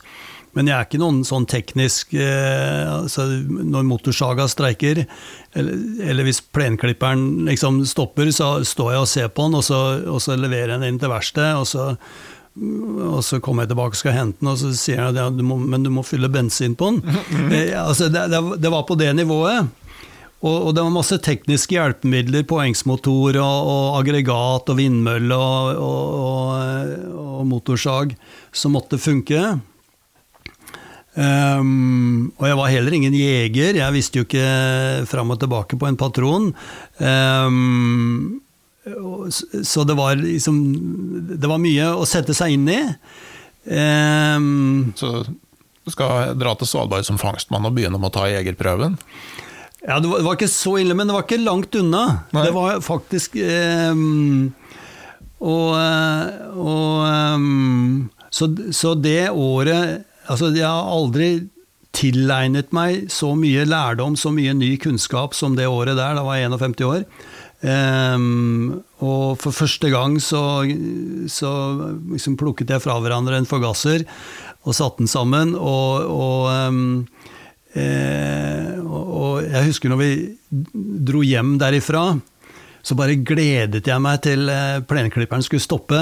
Og da skulle jeg liksom skru den fra hverandre og se. jeg tenker ja, Antagelig så er det bensinfiltre. Vi, vi sjekker bensinfilteret først, og, og, hvis ikke så, så kanskje vi skal drenere forgasseren. Altså, jeg, ja, jeg, jeg var, jeg var liksom på et helt annet sted. I tillegg til at jeg kunne liksom partere en rein i blinde og, og, og eh, ja, rundflå rev og, og, andre viktige ting. Ja, andre viktige ting, ja. Som er, som er fine å ha på CV-en. Men, men, men det, det, helt det, det, var mye, mye sånn eh, Og så var det en frykt for at ungene ikke skulle tenke om det ikke altså, Igjen var det verste som kan skje, hvis du ser bort fra liksom, ulykker Altså, det, det, kunne bli et mareritt. Ungene liksom, Ting ikke funka. Eh, eldste datter er 13. Det er ikke sikkert det er drømmen for en 13-åring å, å, bo aleine med mor og far og lillesøster mens de andre venninnene forbereder juleball og, og sånt noe. Mm -hmm. um, og for henne så var det nok litt, litt mer sånn ups and downs. Men, men um, og i verste fall så tenkte vi at da fikk mor og, mor og jentene returnere, og så ble far For vi hadde 16 hunder, og det var jo ikke Når du først har hoppa, så, så, er du i svevet. Da må mm. du lande. Ta, og så fikk jeg bli igjen aleine og, og, ja. Passe hunder? Passe hunder og, og, og redde familieæren, hadde jeg nær sagt. Men, men det liksom det, det, det, var til å leve med, da. Mm. Mm. Men så var det der med altså den erkjennelsen av at tida der oppe bevegde seg, eller dere var i akkurat samme takt som, som tida? Ja, altså de, de mest de, de, viktigste tingene som jeg liksom reiste hjem med, de viktigste erfaringene og minnene, det, det, var litt sånn på to plan. Og Det ene var liksom alt nærheten til familien. Det, det, altså det ble et eventyr. Eh, sånn, vi var sammen eh, og opplevde ting sammen. Eh, vi, altså mørketida er to, er to, måneder som er liksom bek svarte. Liksom, hva, hva, gjør du? Ehm, og Kommer vi til å fly på veggen, eller kommer vi til å fly på hverandre? Åssen i svarte, bokstavelig talt, skulle vi få tida til å gå? Og, og, og, så oppdager vi at vi, har liksom mer å snakke om der oppe enn vi noensinne har hatt hjemme. Eh, og, og, praten går i ett rundt middagsbordet til langt etter sengetid hver eneste dag. Eh, og, eh, og det, det, var eh, altså Det var en sånn idyll virkelig sånn på, på, det, på den der familiebiten. Så det er, det er den ene siden ved det. Um, og det andre er det derre tidsaspektet som jeg var helt, helt uforberedt på.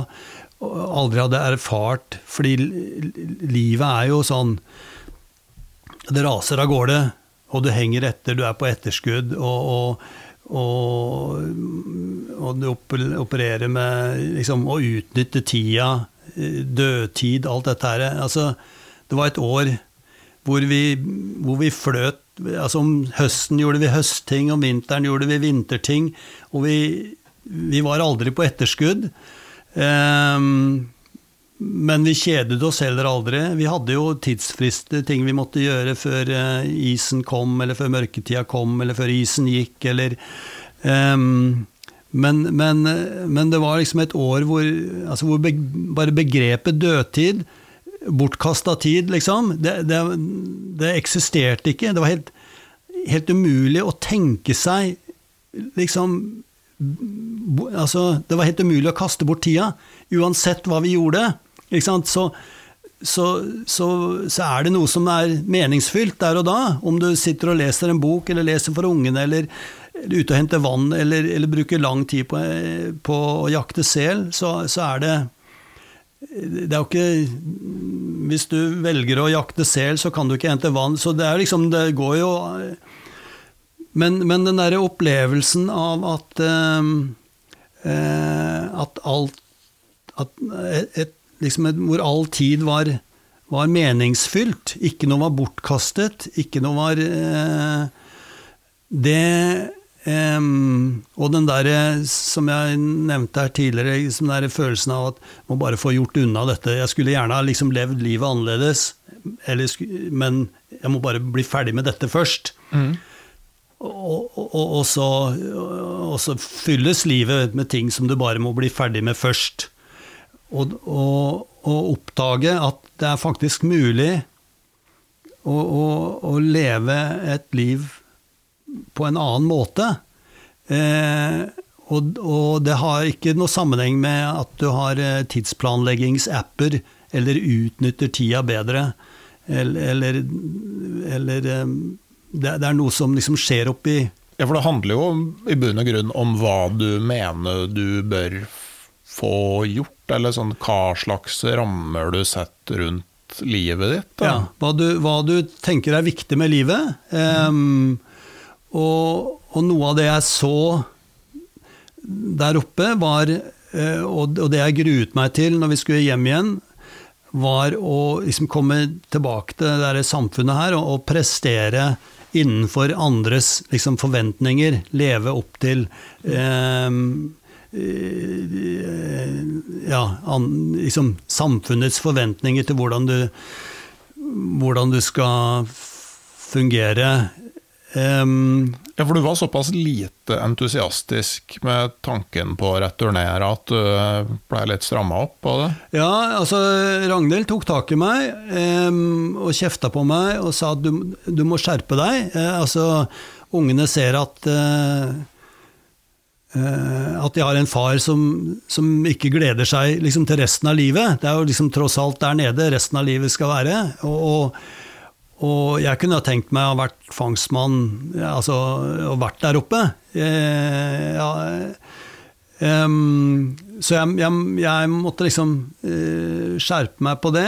Eh, men, men uh, så, så, tenkte jeg, jeg jeg gidder ikke å gå liksom, inn i denne kampen for å, for å få anerkjennelse nede. Altså, hva, hva, Jeg vil jo òg gjerne bli oppfatta som liksom vellykket. Eh, eh, hvem vil ikke det? Eh, altså, jeg, er ikke, jeg, er ikke, likegyldig til hva folk liksom tenker og, og, og, og, sier og mener om meg. Eh, og, så, og, så, tenker jeg det er, det er liksom i, i, det store bildet da, så er det, så er det to måter å, å lykkes på liksom å ha suksess på i, i denne verden, gærne verden vi bor i. Enten så tjener du penger, liksom gjør det, han gjør det jævlig bra. Har du sett hvor mye han tjener? Han har lykkes. Um, eller så blir du kjendis. Gjerne på sånn reality-vis. Eller Instagram-greier, hvor du både blir kjent og tjener penger. Eh, influenser. Um, og, og, eh, og, da har du liksom å lykkes på et vis. Da, da, har, du, da har, du, kjent. Um, uh, og så vil sikkert noen kunne si at ja, ja, du snakker om deg sjæl, du, liksom, du tjener penger på å bli kjent, og, og, og skulle, kona gjorde et ironisk poeng av at jeg reiser rundt og tjener penger på å holde foredrag og prate om at penger ikke betyr noe. Um, men, men, men det, det, slo meg liksom at uh, hvis jeg liksom skulle fortsette det derre hva skal jeg si, pelsjegerlivet og, og, og, føle meg i ett med naturen og, og elementene og, ule mot månen og Eh, og liksom stå utafor huset og, og, og, se mot fjellene, så eh, Altså Ja, nabo, så ville naboen si enten så er han dopa, eller så burde han bli det. Eh, mm. Men, men da, er jeg, da er jeg en sånn bygdetulling. Med mindre jeg tjener penger på det, med mindre jeg nettopp holder foredrag om det Og da står det liksom Steinpe Aasheim gjør suksess Mhm. som naturmann, eller hva du vil kalle det, som pelsjeger. Eh, Det kan vi se på selvangivelsen hans, hvor, hvordan han lykkes. Altså Sjølangivelsen er skillet mellom eh, suksessrik formidler og bygdetulling. Ja. Um, og, og, og liksom det, det er jo det materielle. Eh, og jeg så, jeg så jo en tittel på hun eh, som hun eh, Det er sikkert en bra dame, det, men det var veldig sånn illustrerende for nettopp det jeg nå sier nå. Hun derre Linda Johansen, hun, den gamle Playboy-dama, som nå har gjort eh, Driver med noe hudpreparater eller noe sånt nå. Um, og ikke noe gærent verken med, med Playboy eller hudpreparater, men det var et intervju hvor hun da sa du, Hvor tittelen var 'Du kan se på bilen min hvilken, hvor stor suksess jeg har hatt'. Liksom hvordan jeg har lykkes. Med, altså, det er jo Eh, og sånn tror jeg liksom denne verden er, og, og folk tenker. Du kan se på selvangivelsen, du kan se på det, liksom det materielle. Ja, det der forbruket der, det, det har et navn. Eh, de eh, Altså sånn forbruk som i hovedsak har til hensikt å vise at du har penger til å kjøpe det. Ja, det, det kan det, det, det er en betegnelse, uten at jeg klarer å huske den. Eh, altså, sånn I visse kretser så er jo dyrere bedre. Altså, Ja, sånn, ja. eh, Ja, men altså, i visse, visse kretser i, i, altså, i, altså Hvis du spør liksom, deg eller meg eller han eller henne, liksom, så er det ingen som Nei, det gjelder ikke meg, eh, og det gjelder selvfølgelig ikke deg. Og, men, men det er gjenkjennelig i, liksom, i det store og det hele likevel. Um, og og uh, eh, altså selv, selv i kunsten, liksom, male, eh, hvis du ser for deg en, en, kunst, en maler eller en, en kunstner eh, altså Også der han, han får det, Vet du hva liksom, maleriene hans går for, eller? Det, han selger jo som Han gjør det jævlig bra. Han har lykkes med liksom kunsten sin fordi han tjener mye penger. Altså, ikke sant, det er Og og på Svalbard så opplevde jeg liksom noe helt annet. Eh, liksom, altså eh, Det var et år uten, uten, noe materielt. Uten å forholde seg til den verden der. Eh, og, og, og, og vi kan forstå, liksom alle kan gjenkjenne seg liksom en uke på hytta eller to uker på og, og det er så deilig, og jeg er frigjort fra det. Men, men det er bare et avbrekk, det. Og så er du liksom Du er mentalt inni Hva skal du gjøre når du kommer hjem fra hytta? Men, men et år, det er liksom en del av livet. Du, du, du må omstille deg på, på en helt annen måte. Eh, kanskje et år heller ikke er nok, men det er, det er liksom det eneste jeg har å sammenligne med. Eh, og det er iallfall stor forskjell på tolv måneder og, og liksom en hyttetur. Um, og, og det og, og det tenkte jeg når jeg kom Hvordan kan jeg liksom distansere meg fra den derre eh, Å være opptatt av selvangivelsen min, eh, eller være opptatt av suksess etter de eh, premissene som, som, dette samfunnet lever under. Eh, og, og, og, leve et, liksom et, et sånn fullverdig pelsjegerliv. ja. Men var du Altså Da du kom tilbake fra Svalbard, var det rett og slett vanskelig å være sammen med? Altså, på grunn av, altså Før du fant ut hvordan du skulle løse det her? Nei, det, det, må andre svare på. Jeg ble skilt, da. Så det er sikkert, det er sikkert delte meninger om hvor vanskelig eller enkel jeg var å, å leve med blant de som levde sammen med meg. Um, ja, for det høres jo ut som en litt sånn, der, sånn eksistensiell forandring, da? Ja, men samtidig eh, Altså, det går ikke an å leve som en sånn eneboer-pelsjeger på Svalbard her nede. Altså, jeg hadde jo familie, jeg hadde unger mm. som jeg skulle følge opp, og som jeg hadde stor glede av å, av å følge opp og være i, i lag med.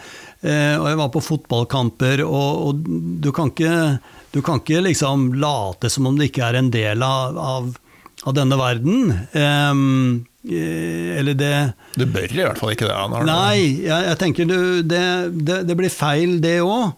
Um, og, og, og, det er et Og så, og så kom jeg på denne her ideen, da, eller hva jeg skal kalle det, med å liksom simulere den, den, andre verden, den andre virkeligheten, den derre Svalbard-virkeligheten med, med, denne hytta her, og, og hele liksom, illusjonen av å, av å um, av å ikke bry meg om liksom, samfunnet der ute.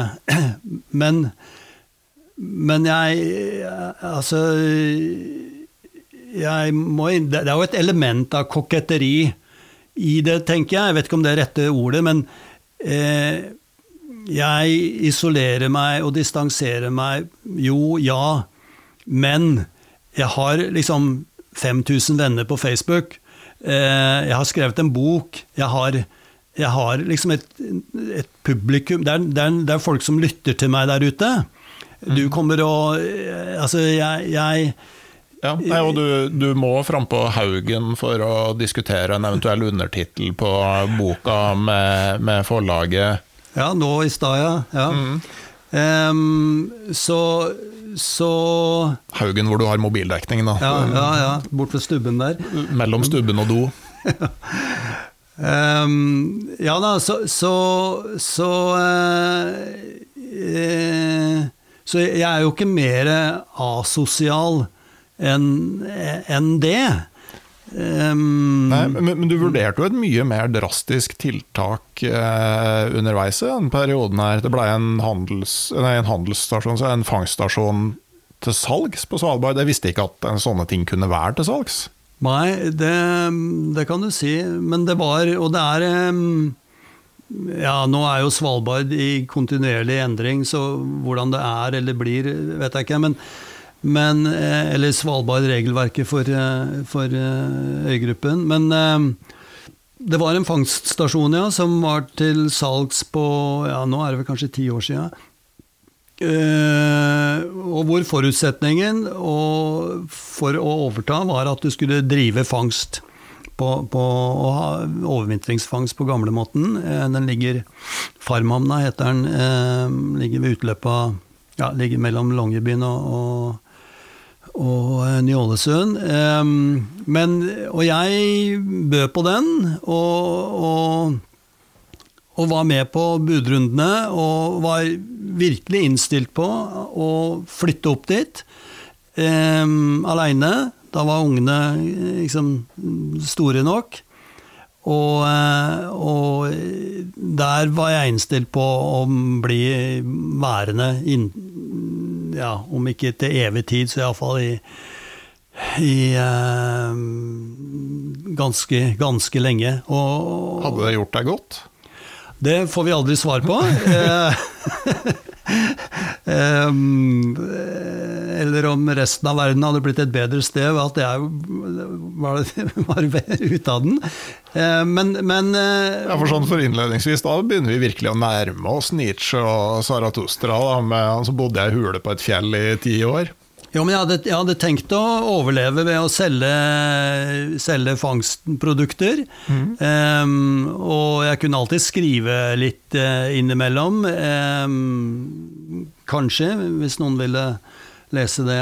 Men, men, men uh, jeg var innstilt på å leve et liv som uh, eneboer og fangstmann i, på Svalbard. Men mm. jeg Så ble det simulator i stedet? Så ble det simulator i, i, fjellene mellom Øst- og Vestlandet. ja. Mm.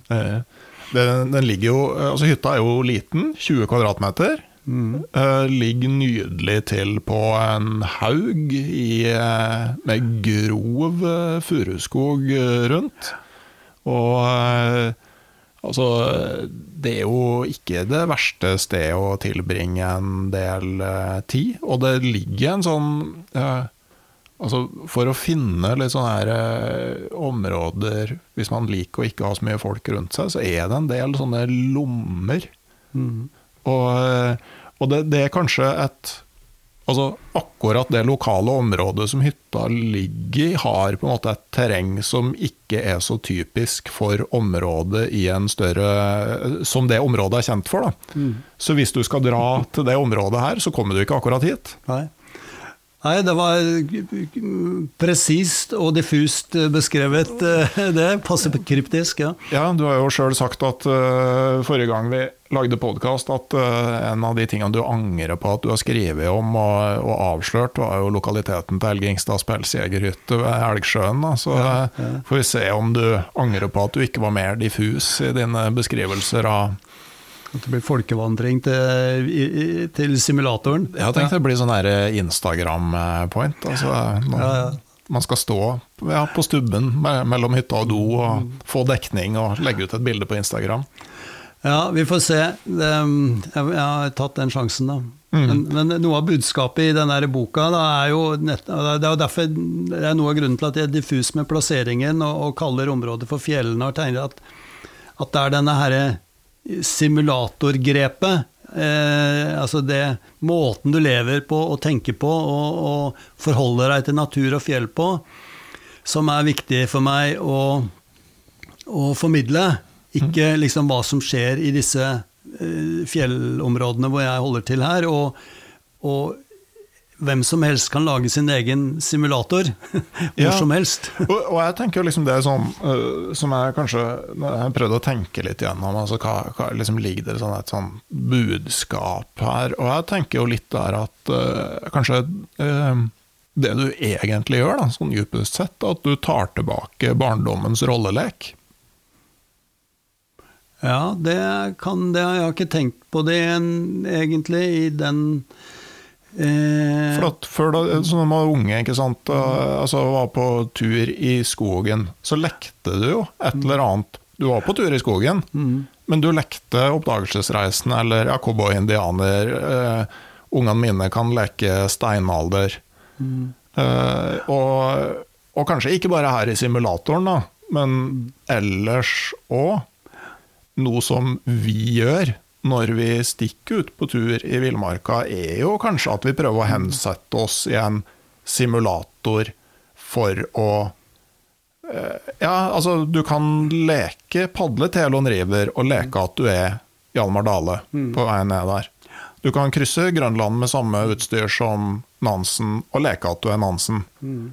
Og det er ikke så veldig forskjellig fra den rolleleken som man drev med som barn. Nei, det er et godt poeng, det. Um, uh, og det, det, er klart, når du liksom padler gjennom Canada, eller drar på padletur i en kano, så er det så er, så er det jo inspirert av og, og, og, assosierer det hele til den inspirasjonen du har hentet det fra, som ofte jo er en Helge Ingstad eller, eller sånn, den type villmarksopplevelse. Og og det er, det er liksom noe av mm, Tror jeg kanskje en sentral del av poenget i denne boka, denne formidlingen, hele denne tanken, at som jeg skriver et sted, 'It's all in your head'. Mm. Um, så hvis nå noen liksom hører på det herre simulator-illusjonisten uh, og, og, liksom, og, fnyser litt at uh, ja, hva, er det, hva, er det, for noe spesielt med hytta hans, liksom? Um, og hva er det som skiller liksom, den fra hytta mi eller en hvilken som helst hytte?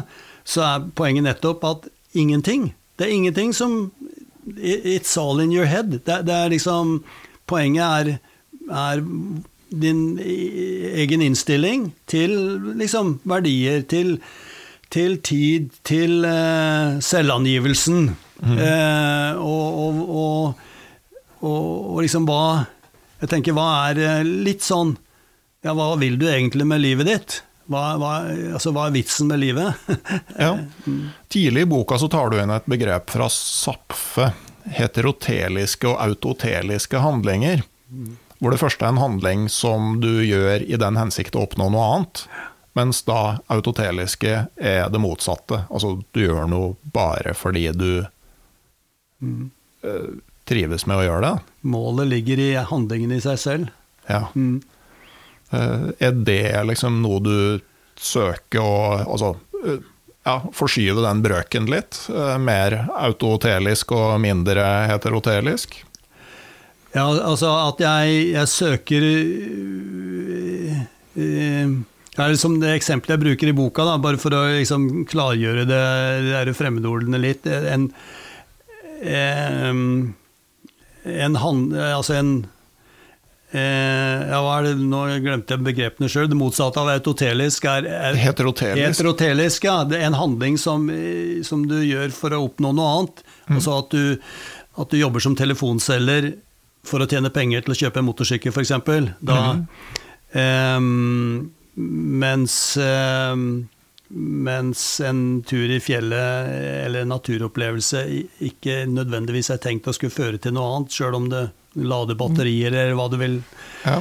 Ehm, ja, det, det er mulig at, at uh, dette liksom beveger seg mot hva skal jeg si, autotelien. At, at det er, eh, målet er bare å ha, ha det bra med seg sjæl. Og et fangst, altså Å kjøpe en fangststasjon på Svalbard vil, tror jeg ville i stor grad ha vært det. Ehm, jeg hadde ikke noen andre tanker med det enn at jeg hadde opplevd at det for meg så var det det mest meningsfylte jeg kunne fylle livet mitt med. Det var liksom å leve i ja, i, i, i pakt med, eller hva, ja, hva slags uttrykk man vil bruke. Harmoni med natur.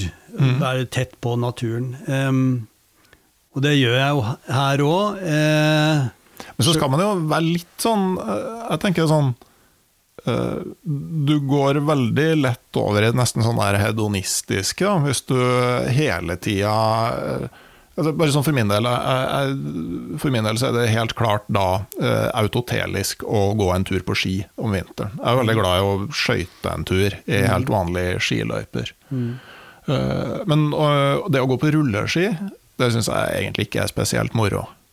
Men, men jeg vet jo det at hvis jeg får én rulleskitur i uka gjennom sommeren, den faste ruta mi bortover gangveien, så er det sjukt mye mer moro å starte skisesongen. Eh, sånn at det er jo en sånn balanse der. Ja, absolutt. Og, og jeg sitter jo her og skriver om denne her eh, denne leveformen som ikke har noe annet mål enn i seg selv, og, og formidler den. Så, så uh, men, men, men jeg prøver heller ikke å si at det er Altså, altså jeg beskriver de to forskjellene, eller siterer Zapfe, som, som siterer noen andre. um, um, om dette er målet i seg selv, eller uh, Og jeg har ikke noen tanker om at det ene er liksom noe bedre eller dårligere enn det andre, egentlig. Um, mm,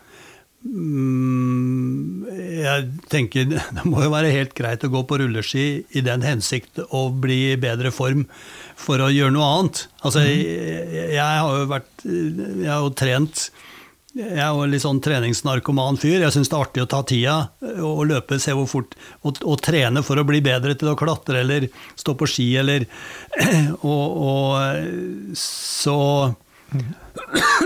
og, og, Men kanskje det man kan ta med seg, er jo at eh, altså, det er ikke noe det, det er slett ikke noe negativt med de tingene som du har lyst til å gjøre, men som du ikke ser noen hensikt med. Hvis du snur på det, ikke sant. Ja, ja. Altså, mm. det at det ikke har noen hensikt, er slett ikke noe negativt. Nei. nei. Kanskje det til og med er positivt. For det er vel òg legger merke til du har fått sånn spørsmål når du holder foredrag. altså sånn, Hva slags overføringsverdi Ja.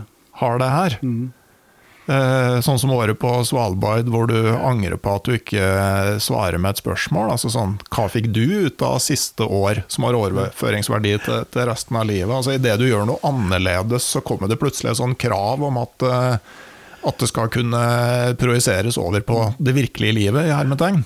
Ja, altså det var et veldig illustrerende spørsmål. Eh, Jeg nevner i boka mi òg, hvor han eh, etter et foredrag fikk det spørsmålet. Liksom, jo, det, det, jeg skjønner at det var et fint eh, år på Svalbard, men hvilken betydning har det, liksom? Hvilken overføringsverdi til resten av livet? Og, og, og så, så eh, tenkte at Eller jeg skjønner, hva var det han sa? Jeg skjønner at du har mange gode minner, men hvilken overføringsverdi har det til eh, det virkelige livet? Og så tenkte etterpå nei, det, det var antagelig bare at vi sitter igjen med mange gode minner. Men, men og så tenkte jeg ja, overføringsverdien, hva er det skal overføres til? Hva er liksom sluttsummen? Når er det handlingen ikke Altså, hva er det du vil fram til?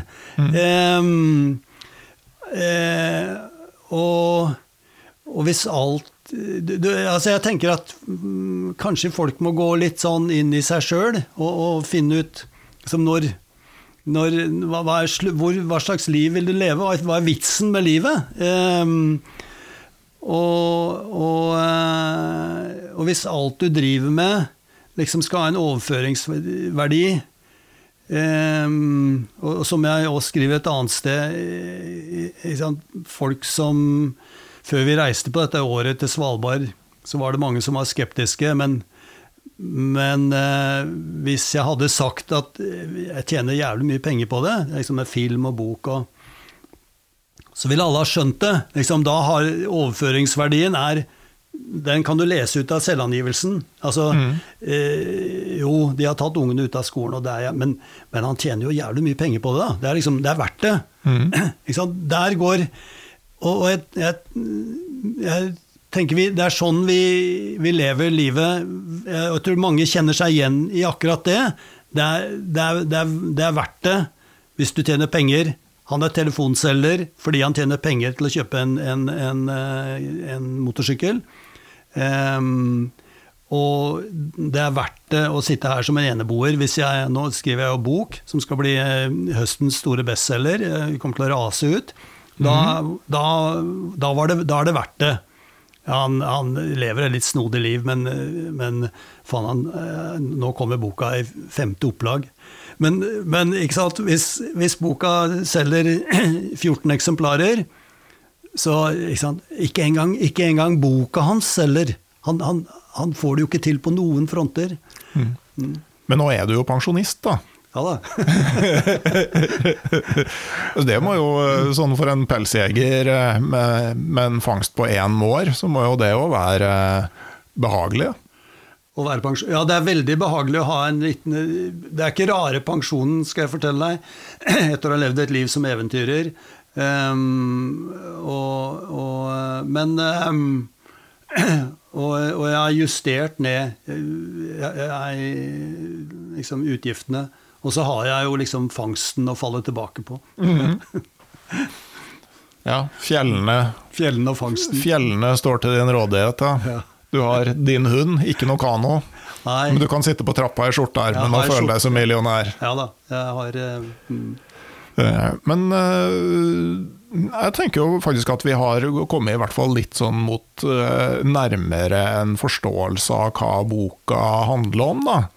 Altså nettopp den derre Altså kanskje ta leken, ta leken tilbake og, og Eh, det at de, de, tingene som ikke har Altså de handlingene du, du gjør som ikke har noen funksjon eh, utover det å, å, være til glede, at eh, de er på ingen måte uviktige. Nei, eh, og jeg tenker at det er eh, sånn tvert imot at det er viktig å ikke la Altså at alt ikke trenger å ha en funksjon. Hva er en funksjon? Liksom, hva, da, da, er du inne på dette med med eh, overføringsverdi Altså hvor, hvor hva, hva, har verdi?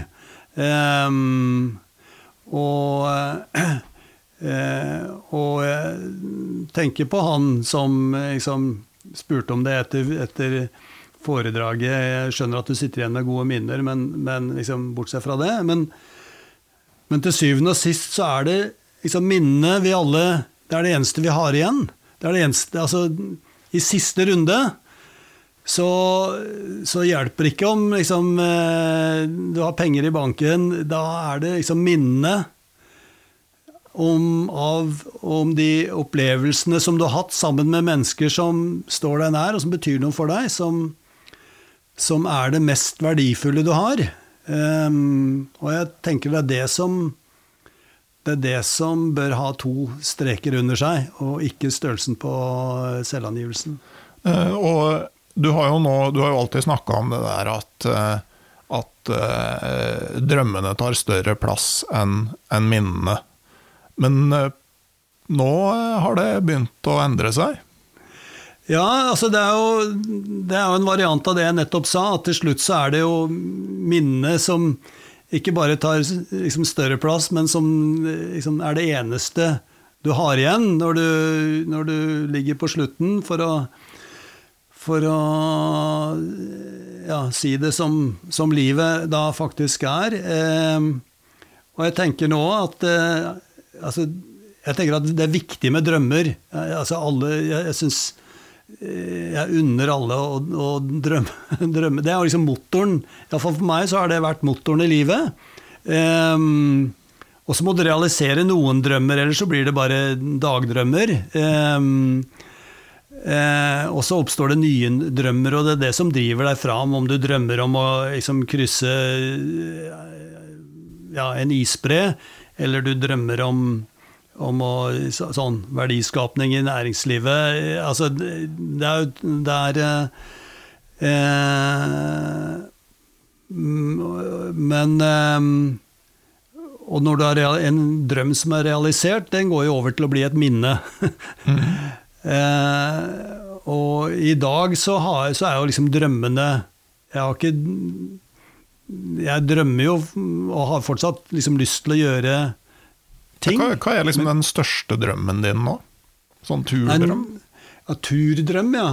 Um, uh, altså jeg jeg syns det er utrolig fascinerende å bare vandre rundt i disse fjellene her med fiskestang og en hund, eller kjøre hunden på vinteren. Det er, det er helt eh, altså Da er jeg helt euforisk på vårsnø og et hundespann innover her. og og ragge rundt i fjellet med et hundespann. Um, det um, Og jeg Jeg har ikke det behovet eller evnen til å, til å liksom søke til andre fremmede verdensdeler og, og sånne ting. Jeg, jeg, jeg syns fortsatt det er spennende. Jeg klatrer fortsatt og gjør litt sånn eh, spennende ting. Um, eller farlig, eller hva du vil. Men uh, uh, Og så er jeg i økende grad Syns det er Det har ikke noe med reising og forflytting å gjøre, men, men det å, å, formidle, det å si noe om liksom disse tingene som er verdifulle for meg, og formidle det på en måte som inspirerer andre og får andre til å tenke, det, det syns jeg er eh, veldig eh, ja, utfordrende og spennende. Um, mm. det, det, må jeg si. Mm.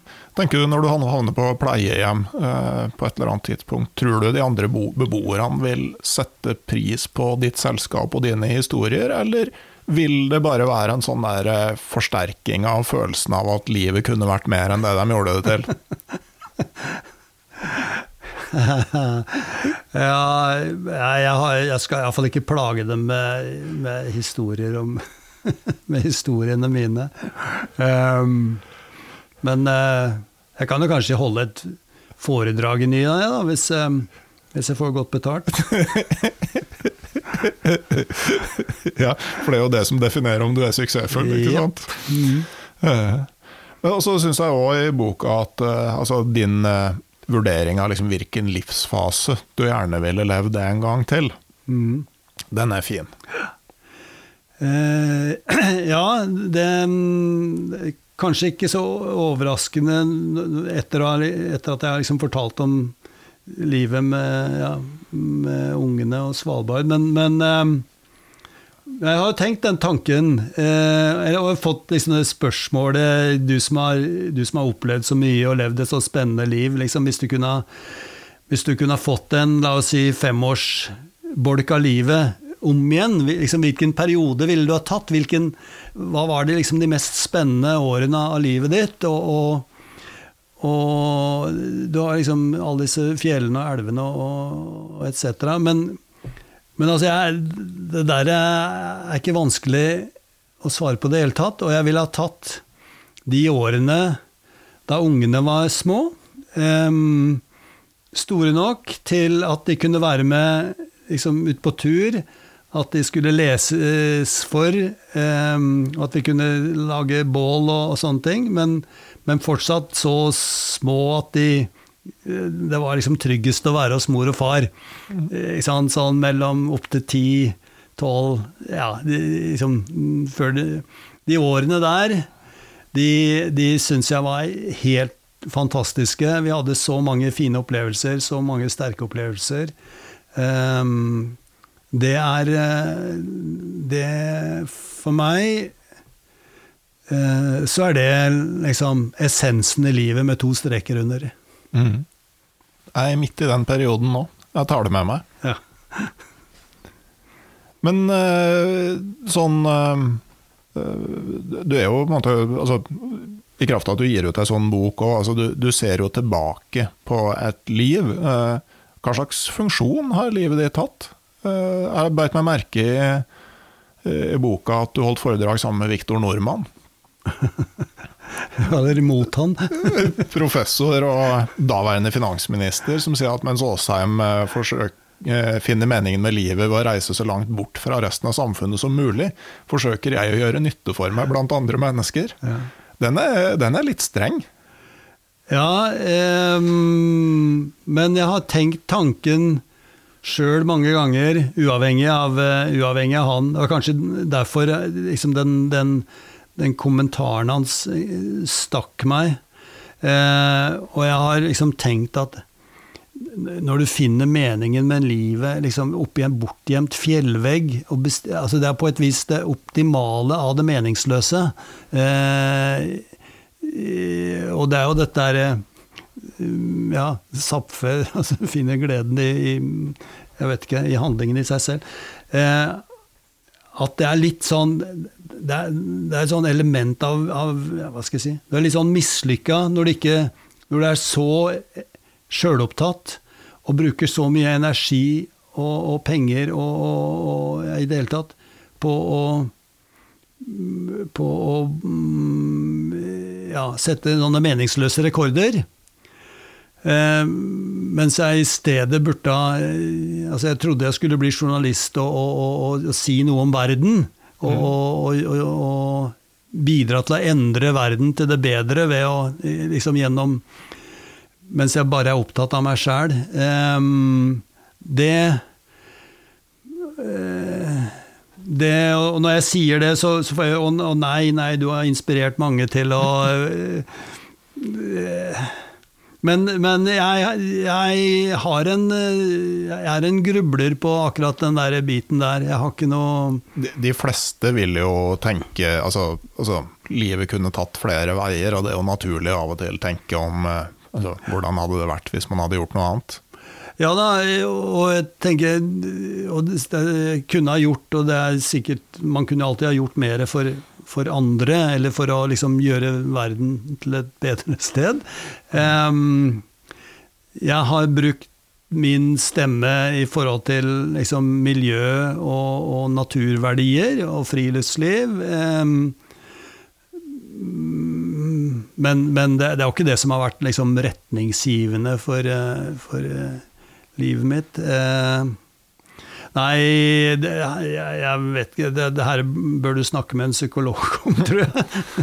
ja, men så er det jo ikke sant, det er mange som går ut for å, hardt ut for å gjøre verden til et bedre sted, og som feiler ganske eh, kapitalt. Jeg tenker at eh, det, bare det at man ikke har gjort verden til et verre sted, det er jo en, liksom, et bidrag i seg sjøl. Ja da, løste ikke så mange pro verdensproblemer, men skapte vel ikke så mange heller. Nei. Men uten å liksom røpe avslutningen på boka, så er det jo tydelig at uh, tanken på at verden i en ikke altfor fjern, framtid skal fortsette uten deg, den uh, begynner å melde seg sterkere. Eh, ja, det, altså, det, er bare å se på tallene, tallene det. Så skjønner du at du Altså innlysende at jeg har mer av livet bak meg enn jeg har foran meg. ja, what to do? Nei, det altså men, men, jeg tenker sånn, i og med at du har drevet med ja, risikoaktiviteter, altså fått døden ganske tett på flere ganger. Altså, har du et mer naturlig forhold til det enn eh, du ellers ville hatt, tror du? Du har vært nødt til å ta det inn over deg kanskje på et tidligere tidspunkt enn andre? Nei, det tror jeg ikke. Ehm, det, det Jeg tror ikke jeg har forsonet meg med Altså, med, med døden, liksom. Jeg hører eh, Eller du, du hører folk iblant som liksom sier det. Nå er jeg liksom Nå får den komme, og jeg er happy. Um, um, skulle gjerne hatt én runde til med hundespannet. ja, nei, jeg, jeg, har noe, jeg har liksom ikke noen sånn kloke ord å, å si om, om, livets avslutning. Um, det er uh, det, um, og, og jeg, ja, det er jo ikke noe jeg liksom går og gruer meg til. Uh, og så kan du si ja, men du er jo bare 70, og eh, faren min, min ble 97, og moren min er 95, og du liksom har gode gener og mm, ja. Men eh, du gjør liksom det beste ut av livet så lenge det er der. Mm. Eh, og, og, jeg har uh, lyst til å skrive mer. Jeg har liksom mye nye Så jeg tenker jeg har for, for, første gang, eller ikke for første gang, men i løpet av de, liksom de seneste årene hvor dette her har gått opp for meg at jeg, jeg, nærmer meg slutten, så tenker jeg jeg må kjappe på å skrive noen av disse bøkene som, eh, som, jeg har lyst til å skrive. Det er mer der. Jeg har, jeg har, jeg har mer på hjertet ennå, så jeg håper jeg får litt tid igjen. Og, og barnebarna, nå kommer de Men det er jo typisk eh, når du blir eldre og du ser liksom, hva er det som er verdifullt, så, så er det de nære, de nære tingene som, som eh, teller mest, til syvende og sist. Mm. Jeg tror det er et uh, bra sted å stoppe, men jeg registrerer jo at med flere bøker på vei, da, så kan det hende at jeg får lov å komme på besøk i simulatoren uh, om uh, en stund og, og, lage en ny bokrelatert uh, podkast.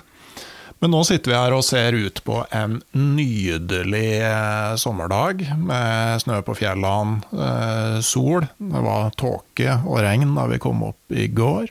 Men som sagt, når denne episoden her legges ut, så er det blitt høst. Eh, og da lurer jeg på, altså en tidlig høstdag Hvis du ikke skulle vært her på simulatoren, kan velge fritt hele verden. Hvor ville du vært, hva ville du opplevd?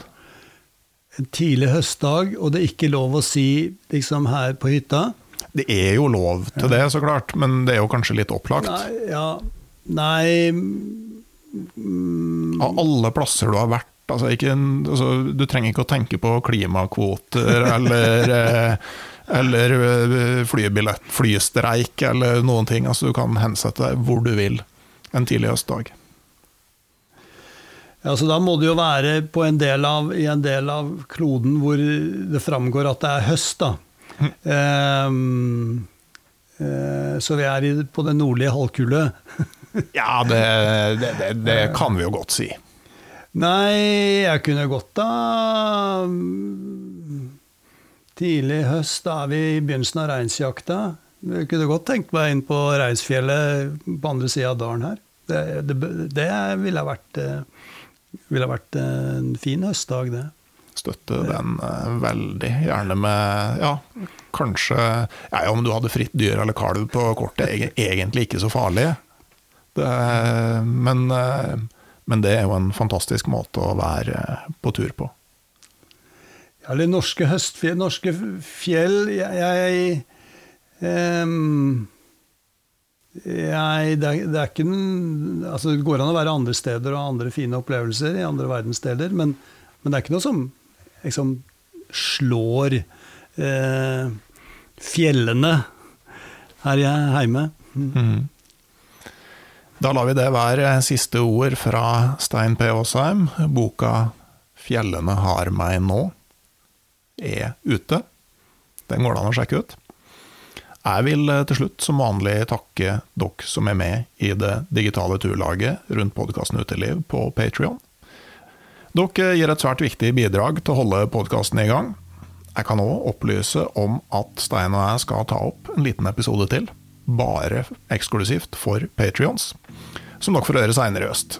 Da skal dere få høre om de tre gangene Stein P. Aasheim har forsøkt å krysse Grønland, med kopi av Nansens utstyr, 100 år etter, med det beste utstyret som kunne framskaffes i overgangen mellom 1980- og 1990-tallet.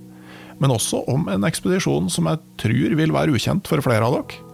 Den gangen Stein sammen med Odd Eliassen og en av verdens aller mest berømte eventyrere la i vei for å krysse innlandsisen om vinteren. Om du vil sørge for at du får med deg den episoden, så kan du gå inn på patrion.com, søke opp podkasten Uteliv. Så velger du hvilket medlemsnivå du vil ha. Det koster fra 19 til 79 kroner i måneden. Alle nivåer får tilgang til den episoden, men velger du et av de to øverste nivåene, så får du også flere ekstra fordeler. Bl.a. tilgang til en stadig økende artikkelsamling på min nettside. Om du ikke ønsker å være med i det digitale turlaget på Patrion, er det selvsagt helt greit. Og om ei uke så kommer det uansett en ny episode av podkasten Uteliv. Ha det bra.